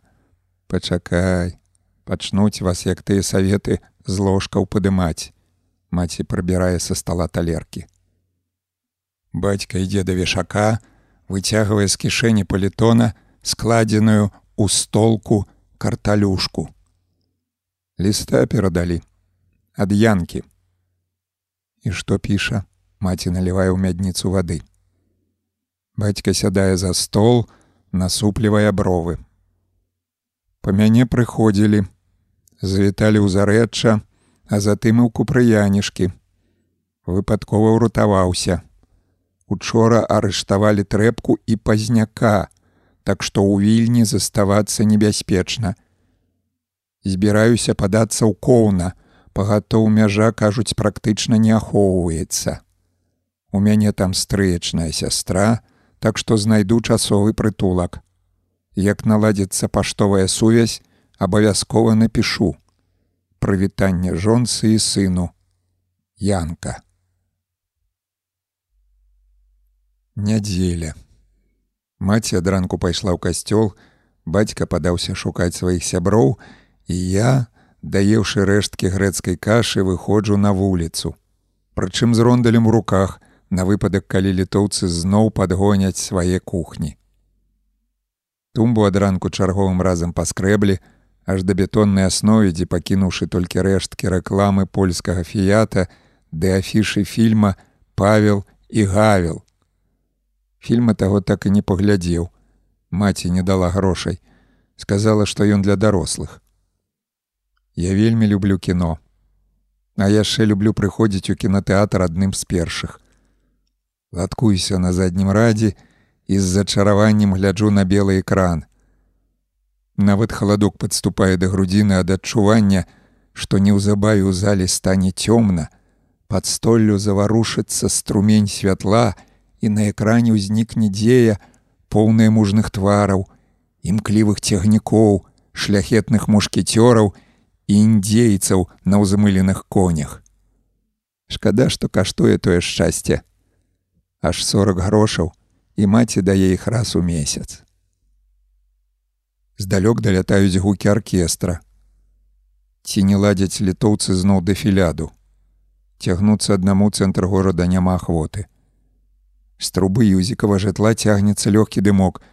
Падыходжу да трубы, стукаю па ёй косткамі пальцаў. Людзей у цэнтры як ні дзіва мала, а ратушны пляц наогул пустэльны. Адно рамізнікі паныла сядзяць на козлах, насунуўшы на насы, брылі сваіх чорных фуражак. Вільню ахутала холодная імжа, і ў паветры лунае няўцямная рэха, ці то песні, ці то малітвы. Мы з рыдзам круцім галовамі, і сябар тыцкае пальцам у бок вастрабрамскай вуліцы. Каля касцёла святой тарэсы, віруе людскі збой. Мяркуючы па шапках тут сабраліся студэнты. Гляньце на іх, Ужо і вострую браму прысабэчылі гучыць над натоўпам. Перадайце ўсім, а першай гадзіне збіраемся на замкавай і адтуль ідзем маршам. Нарэшце заўважаем калакутасаў. Уладна рассунуўшы ногі, яны стаяць у поперак вуліцы, перакрываючы дарогу да вострай брамы. На браме варушыцца ад ветру літоўскі сцяг, у паўкруглым акне кратаюцца размытыя імжой белыя постаці і ўся вуліца шарая ад стрыжаных жаўнерскіх галоў. Гэта літоўскія ваякі прыйшлі на набажэнства. І ксянзоў сваіх паспелі прывесці гучыць усё той жа голас. Відаць, гэта хтосьці з фалангістаў, У нашай школе некаторыя старшакласнікі да іх запісаліся. Юзіка вулічныя закалоты не надта цікавіць. Ён задзірае голаў, захоплена шапоча прыгожы касцёл. Святой тарэсы, тлумачу я, маці сюды ў дзяцінстве вадзіла. Мне было гадоў шэсць, а можа і меней. Маці правяла мяне ў гэты касцёл, і сэрца маё парывіста забілася ад дзіўнага паху, ад шарага прыцемку, ад позіркаў святых, што стаялі на алтары, глядзелі ў мой бок. Пад скляпеннямі грымнуў пагрозлівы голас, все наўколу тым ліку і маці ўкленчылі, і мне стала страшна. Страшна і ў адначас цікава, Чаму цётухна, што ўкленчыла поруч, раптам знялася і пайшла, панурушы вочы да вялізнай шафы стала каленямі на пацёртыя аксамітавыя падушкі, штосьці зашаптала ў разную адтуліну. Я ціхенька, незаўважна для маці падышоў да шафы, зазірнуў цёмнае нутро і здрыгануўся. Там сядзеў хтосьці вялікі і белы. Павекі ягоныя былі заплюшчаныя, але знянацку ён асавела, зірнуў на мяне адным вокам, і я зайшоўся плачам. Яшчэ нехта, таксама ўвесь белы, які трымаў у руках срэбную тацу з грашыма, нахіліўся надо мной, і я загарлаў немым духам. Мяне доўга сунімалі, вон там на касцельных прыступках, дзе стаіць калакутас, пырскалі ў твар вадой, лашылі па галаве і шапталі малітвы. З тае пары маці хадзіла ў касцёл адна.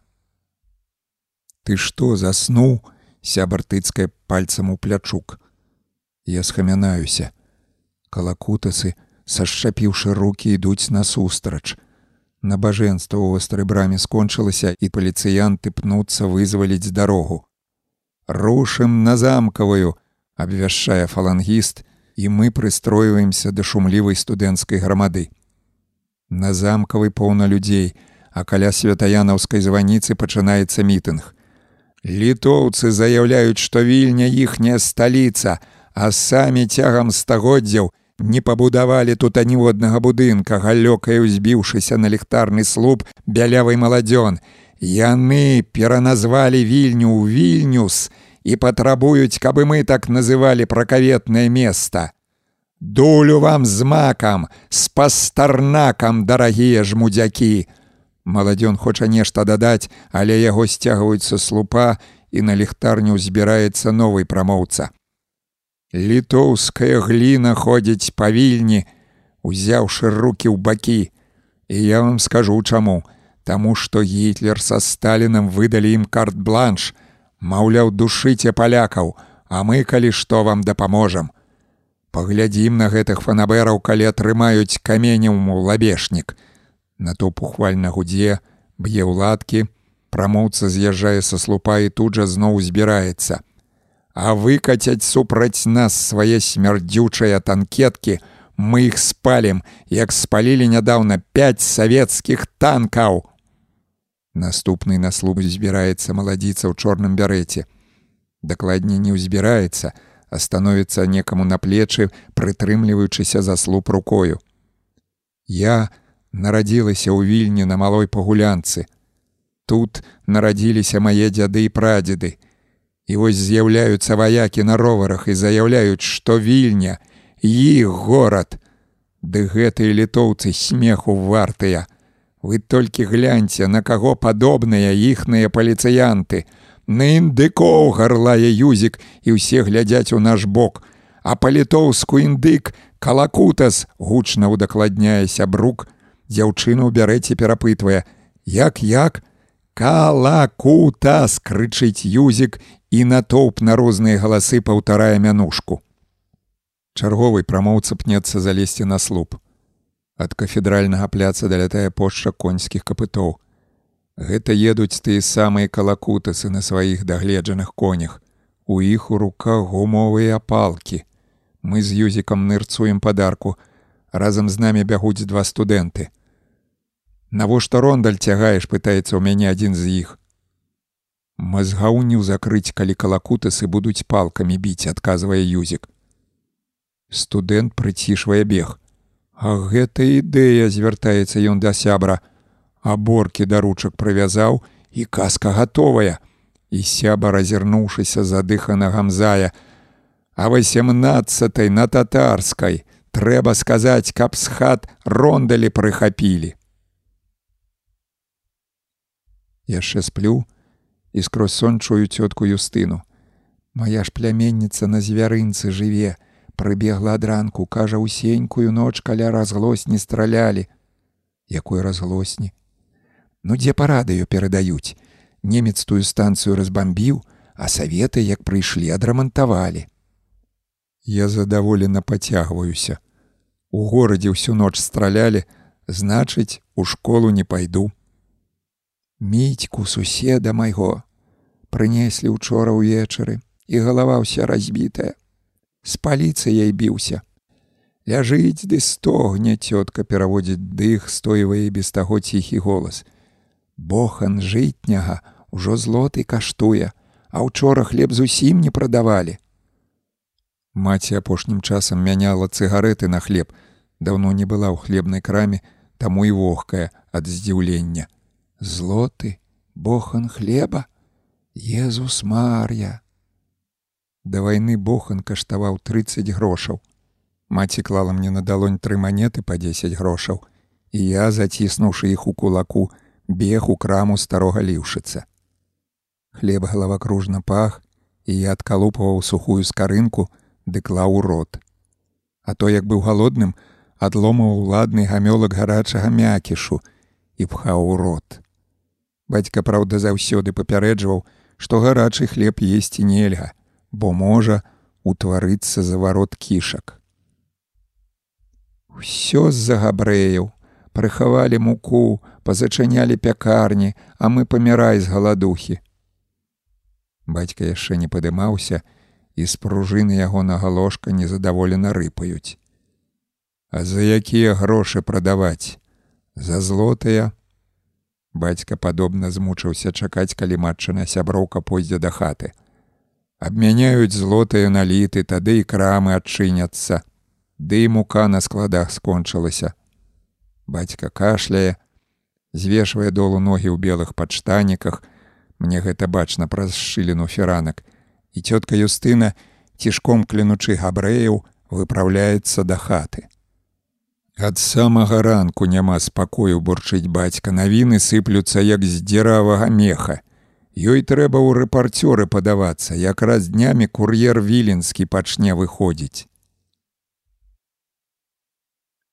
Маці абапіраецца рукамі на падваконне. Матка боска зноў некага панеслі. Увесь у крыві, ці не старога ліўшыцца пабілі. Чутны звон разбітага шкла, тупаніна і брудная лаянка. У школу сёння не пойдзеш, пасля такіх слоў маці ідзе гатаваць сняданак. Мяне не толькі ў школку не пускаюць, але і на вулку, А там дзеецца штосьці няўцямнае. Міма нашых вокнаў вязуць на брычках скрываўленых небаракаў. Калакутасы па 5-6 чалавек бегаюць то ў адзін бок то ў другі, праехала нават танкетка. Бацька пайшоў паглядзець, што адбываецца ў горадзе і яшчэ не вярнуўся.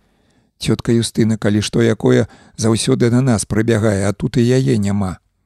Між тым маці і самой цікава, хто там б'ецца на вуліцах, і яна раз-пораз падбягае да акна. Да міцькі на хвілінку забягу, пагляджу, як ён там, умольна енчу, которым ужо разам і маці дакорліва хітае галавой, але толькі да міцькі буду з акна сачыць. На тумбе ні абвестак, ні газет, адно бялее літоўскі плакат з выяваю вострай брамы. Хтосьці прайшоўся па ім сцізорыкам, распаласаваўшы на тонкія палосы і тыя матляюцца на ветры. Улетку так паласуюць паперу, ды вешаюць на люфцікі, каб адбіцца ад мух. Дзверы адчыняе міцькава маці, незразумелага веку кабета з рудымі, як у юзіка валасамі. Ранейшым часам яна была вясёлай да румянай, а цяпер прыкметна згорбілася і зблажэла тварам. Дзіва што. Саветы мужа на юры звезлі, а літоўцы сына пабілі. Міцька ляжыць забінтаванай галавой. Над ложкам у куце вісіць цёмны абраз, дык воліцца знічка лампады. Шверубовіча, як і мой бацька праваслаўныя. Як маешся, патыліца баліць, а так жыць можна. Добра яшчэ абышлося, міцькава маці бразгая на кухні посудам, маглі бы мы з гаўню адбіць. А што? Там фаланга ўсім кіравала, ціхенька, каб не пачула міцькава маці, пытаюся ў міцькі. Чаму фаланга? Завадатарамі ўсяго былі браты Філіпавы з расійскай гімназіі. У пецькі аднаго з братоў граната ў кішэні была, хацеў шпурнуць у калакутасаў, але мы адгаварылі. Ужо і міцька ведае мянушку паліцыянтаў, я паціраю руки. Можа сказаць, хто яе пусціў народ. Хлопцы што прыдумалі? Надзяваюць аблавуху, а наверх рондаль насоўваюць. Калі калакута сыдзі ў бане дручком, дык не так балюча. Гэта я прыдумаў, кажу міцьку і той адрывае забінтаваную галаву ад падушкі. Ты прыдумаў. Ды там і духу твайго не было, сядзіш пад матчаным прыполам. Чапля нешта крычыць услед, але я не слухаю. Выходжу з кватэры гучна бразнуўшы дзвярыма. Аднекуль з наваградскай ляціць немы лямант. Маці ў акне не бачна, і я спачатку прыстаўным крокам, а потым як ветрам гнаны лячу па засыпаным смеццем і сухой лістотай ходніку. Неўзабаве, насупраць хлебнай крамы ліўшыцца спыняюся і ўражана закапыльваю губу. Крама пазірае на свет выбітымі вокнамі і калыша як на знак развітання напісанай па-польску і па-габрэйску шыльдай. Шыльда завісла на адным цвіку. У вокны шпурлялі бітай цэглай, бо яна валяецца под нагамі. Мясная крама выглядае яшчэ страшней. Там аконная рама вылетела і павісла, як тая шыльда. Калі выйшаў на наваградскую, убачыў раз'ятраны натоўп, які бег некуды і на розныя галасы гукаў прэд жыдоў з вільні. Кароткую хвілю стаю падаркай і трушком, ціснучыся да сцен прабіраюся да свайго дома. Увечары адключылі святло, і мы ўтрох бацька, маці і я сядзім ля акна. Пагром не сціхае. Па вуліцы па-ранейшаму бегаюць узброеныя палкамі і жалезнымі прутамі з граі фалангістаў, ды шугаюць на конях калакутасы. А калі сцямнела, на скрыжаванні залескатаў гусеніцамі савецкі танк, той самы з гнутымі трубамі ля вежы. Няўжо саветы вярнуліся. Можа, не пойдзем на могілкі. Паглядзім, бурчыць бацька. Танкі з новай вялейкі прыехалі. Там у саветаў вайсковая база. Няйначай літоўцы попрасілі дапамогі. Паслязаўтра задушкі. Гэтым днём мы ўсёй сям'ёй наведваем петрапаўлаўскія могілкі, дзе пахаваная цётка Люцыя, матчына сястра. Яна памерла маладой, і я бачыў яе толькі на фотаздымках. Помнік на цётчынай магіле скасабочыўся, і бацькі з лета збіраюцца яго падправіць. І вось задушны дзень на носе, а помнік дагэтуль стаіць пакарабачаны. Ноччу доўга не магу заснуць. У свядомасці гучаць крыўдныя словы міцькі шверубовіча, і я кручуся з бока на бок на шышкаватым сенніку. Маці нават уставала і мацала лабешнік. Раніцой абуджае бацька ў воклік. Сядзі дома, зачыніся на два замкі, нікому не адчыняй, чуеш? Чую, адгукаюся з няхвотаю і вомігам засынаю. Ды як тут паспіш, калі ў дзверы стукаюць. Спачатку два разы, а затым пасля паўзы яшчэ раз. Юзік. Сёння на росах збіраюцца задыхана прамаўляе рыц, а адтуль у цэнтр рушаць. На могілках роса пахаванае сэрца пілсудскага, і штогоду першага лістапада там ладзяць урачыстасці ў гонар начальніка панства. Ад кожнай школы выбіраюць па 10 вучняў, яны збіраюцца на пляцы каля магільнай пліты, шыхтуюцца і, укленчыўшы на правае калена, слухаюць казанні пра тое, як пілсудскі ўратаваў у 1920 годзе Еўропу ад усходніх варвараў. Мне, аднак, аддаць гонар ратавальніку Еўропы не даводзілася. Замалы яшчэ. Але на ўрачыстасцях аднойчы прысутнічаў Чорная пліта, пад якой пахаванае сэрца пілсудскага і ягоная матка, месціцца перад каменным мурам. Мы з міцькам на яго ўзлезлі, каб лепей бачыць урачыстасць, а паліцыянт нас сагнаў. На могілкавы мур нельга ўзлазіць, бо гэта святая мясціна. Ну ты як ідзеш, сябар з нецярплівасцю тупае ля парогу. Чухаю свярблівую макаўку, ўсё ж такі бацькі загадалі сядзець дома, ды прыгадваю словы міцькі шверубовіча рашуча выдыхаю. Іду рэкламную тумбу шчыльна атачылі месцічы. Літоўцы павесілі свае распараджэнні і іх услых і на выперадкі чытаюць. Пачынаючы з 3 лістапада у горадзе вільнюсе будуць арганізаваныя грамадскія працы часовае працаўладкаванне грамадзян будзе ажыццяўляцца пасля адпаведнай рэгістрацыі А што за працы крычаць з усіх бакоў, ідзе рэгістравацца. На біржы гукаюць ему адказ, а тым часам хтосьці непракерханым голасам чытае распараджэння літоўскага банка пра абмен польскіх грошай. А як мяняць збіраюцца? Лід за 5 злотых. А з банкаўскіх рахункаў будуць мяняць. Міжволі наструньваюся. У нас ляжаць невялічкія грошы ў банку паклалі як лаварышкаўская бабуля цялушку прадала. Аднак у тым верхалі пра банкаўскія рахункі нічога не дачуўся. Учора габрэі ўбілі, паведамляе сябар, калі мы прамінаем шпіталь. Шмат параненых прывезлі. Усе ходнікі засыпаныя бітым шклом, а ў паветры бухматымі сняжынкамі лётае пух. Успаролі відаць сеннікі ды падушкі. Габрэйскія крамы спрэс разбітыя, а ў краме ліўшыцца вокны пазначаныя пасмамі чорнай сажы. Дзіўна, чаму фалангісты ваююць не з літоўцамі, а з габрэямі. Сволачы твае фалангісты, я паслізваюся на кавалка шкла. Тут ліўшыцца баранкі прадаваў, цэлыя горы былі насыпаныя, а зараз галавешкі валяюцца. Ты што? Забыўся, як габрэі саветы сустракалі як мітынгі ладзілі ды аркестры гралі, а потым у рабочую гвардыю падаліся. Адзін такі падышоў да маёй маці і крыкнуў асцой пырскаючы: « Усё пшэкі, скончылася ваша панаванне. а ў маткі ўжо скора з пальцаў злезла ад мыцця. І што стары ліўшыц, які хлебную краму трымае, у падсабачнікі падаваўся і карабінам перад тваім носам размахваў. Твар юзіка ўкрывіць гемора. Учора сябар паведаміў, што збіраецца запісацца ў фалангу. У падручніку напісана, што пілсудскі нававілі пахаваны, сябар вырашыў змяніць тэму размовы. А што тады за магіла на росах? Там сэрца пахаванае і матка ягоная. А беларусіны любяць пілсудскага. А за што яго любіць? Абяцаў беларусам школы да універсітэты, а што даў? Лукішкі да картузы, прыгадваю словы дядзькі янкі.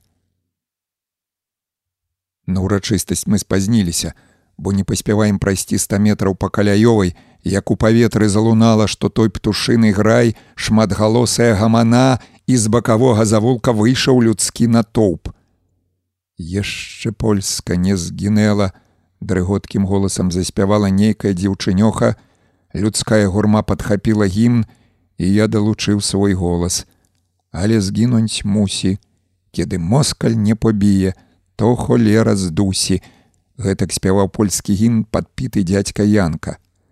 Вы беларусіны, такія ж ворагі Польшчы, як і жыды крычыць юзік і подбегам рушыць насустрач грамадзе. Бяжы, бяжы! Фалангіс сранай гукае яму ўслед па-беларуску і шыбую на вастрабрамскую. Дядька Янка казаў, што фалангісты ненавідзяць не толькі габрэяў, але і беларусаў, таму і няма ахвоты да іх далучацца брук на вастрабрамскай няроўны шмат дзе прасеў я ўвесь час спатыкаюся а можа ногі заплятаюцца ад адчування што следам за мною рушыць гамандлівы натоўп? Літоўцы вяртайцеся ў коўна! Прэч мудзякоў з вільні! Прэч жыдоў і камуністаў! Стагалоса скандуе грамада. Прыспешвай крок. Трэба адарвацца ад натоўпу бо могуць наляцець калакутасы. І тады апынуся паміж двух агнёў паліцыяй і дэманстрантамі под вострай брамай здымаю шапку. Тут як заўжды сядзяць жабракі а пабожныя бабці бясконца жагнаюцца ды цалуюць пашарпаныя сцены. Пабачыўшы людскую грамаду бабці хуценька хаваюцца ў галерэю што лучыць браму з касцёлам. Я ўжо не іду, а бягу, намагаючыся вырвацца з вузкай вуліцы на ратушны пляц і бачу паліцыю на конях.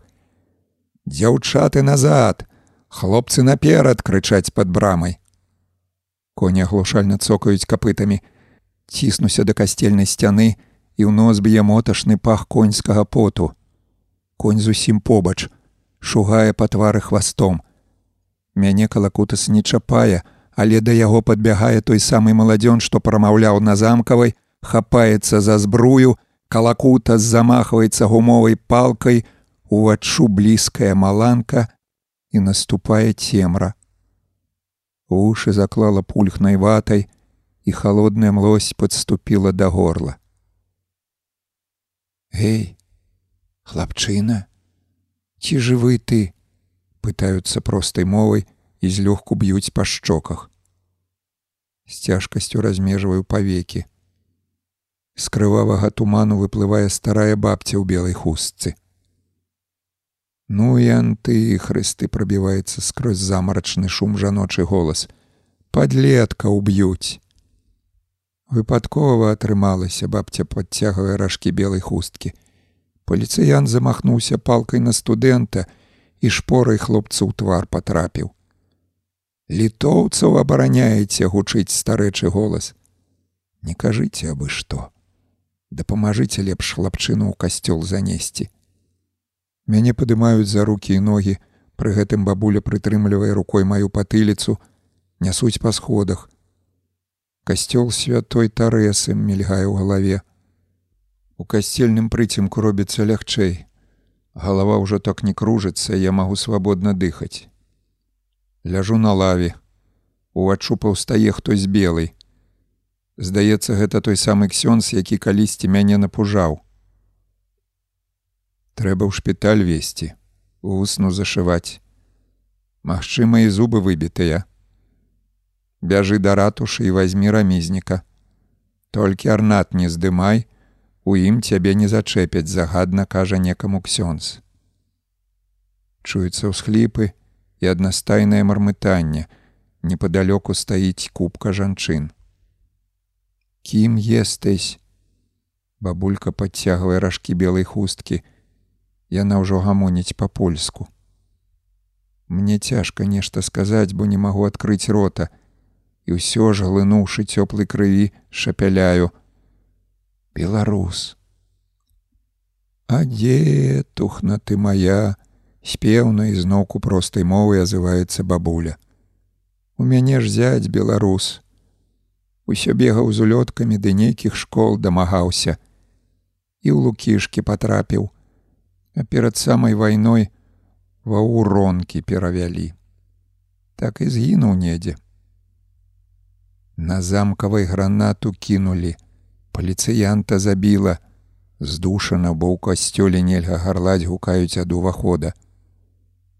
Жанкі пачынаюць няголасна спяваць.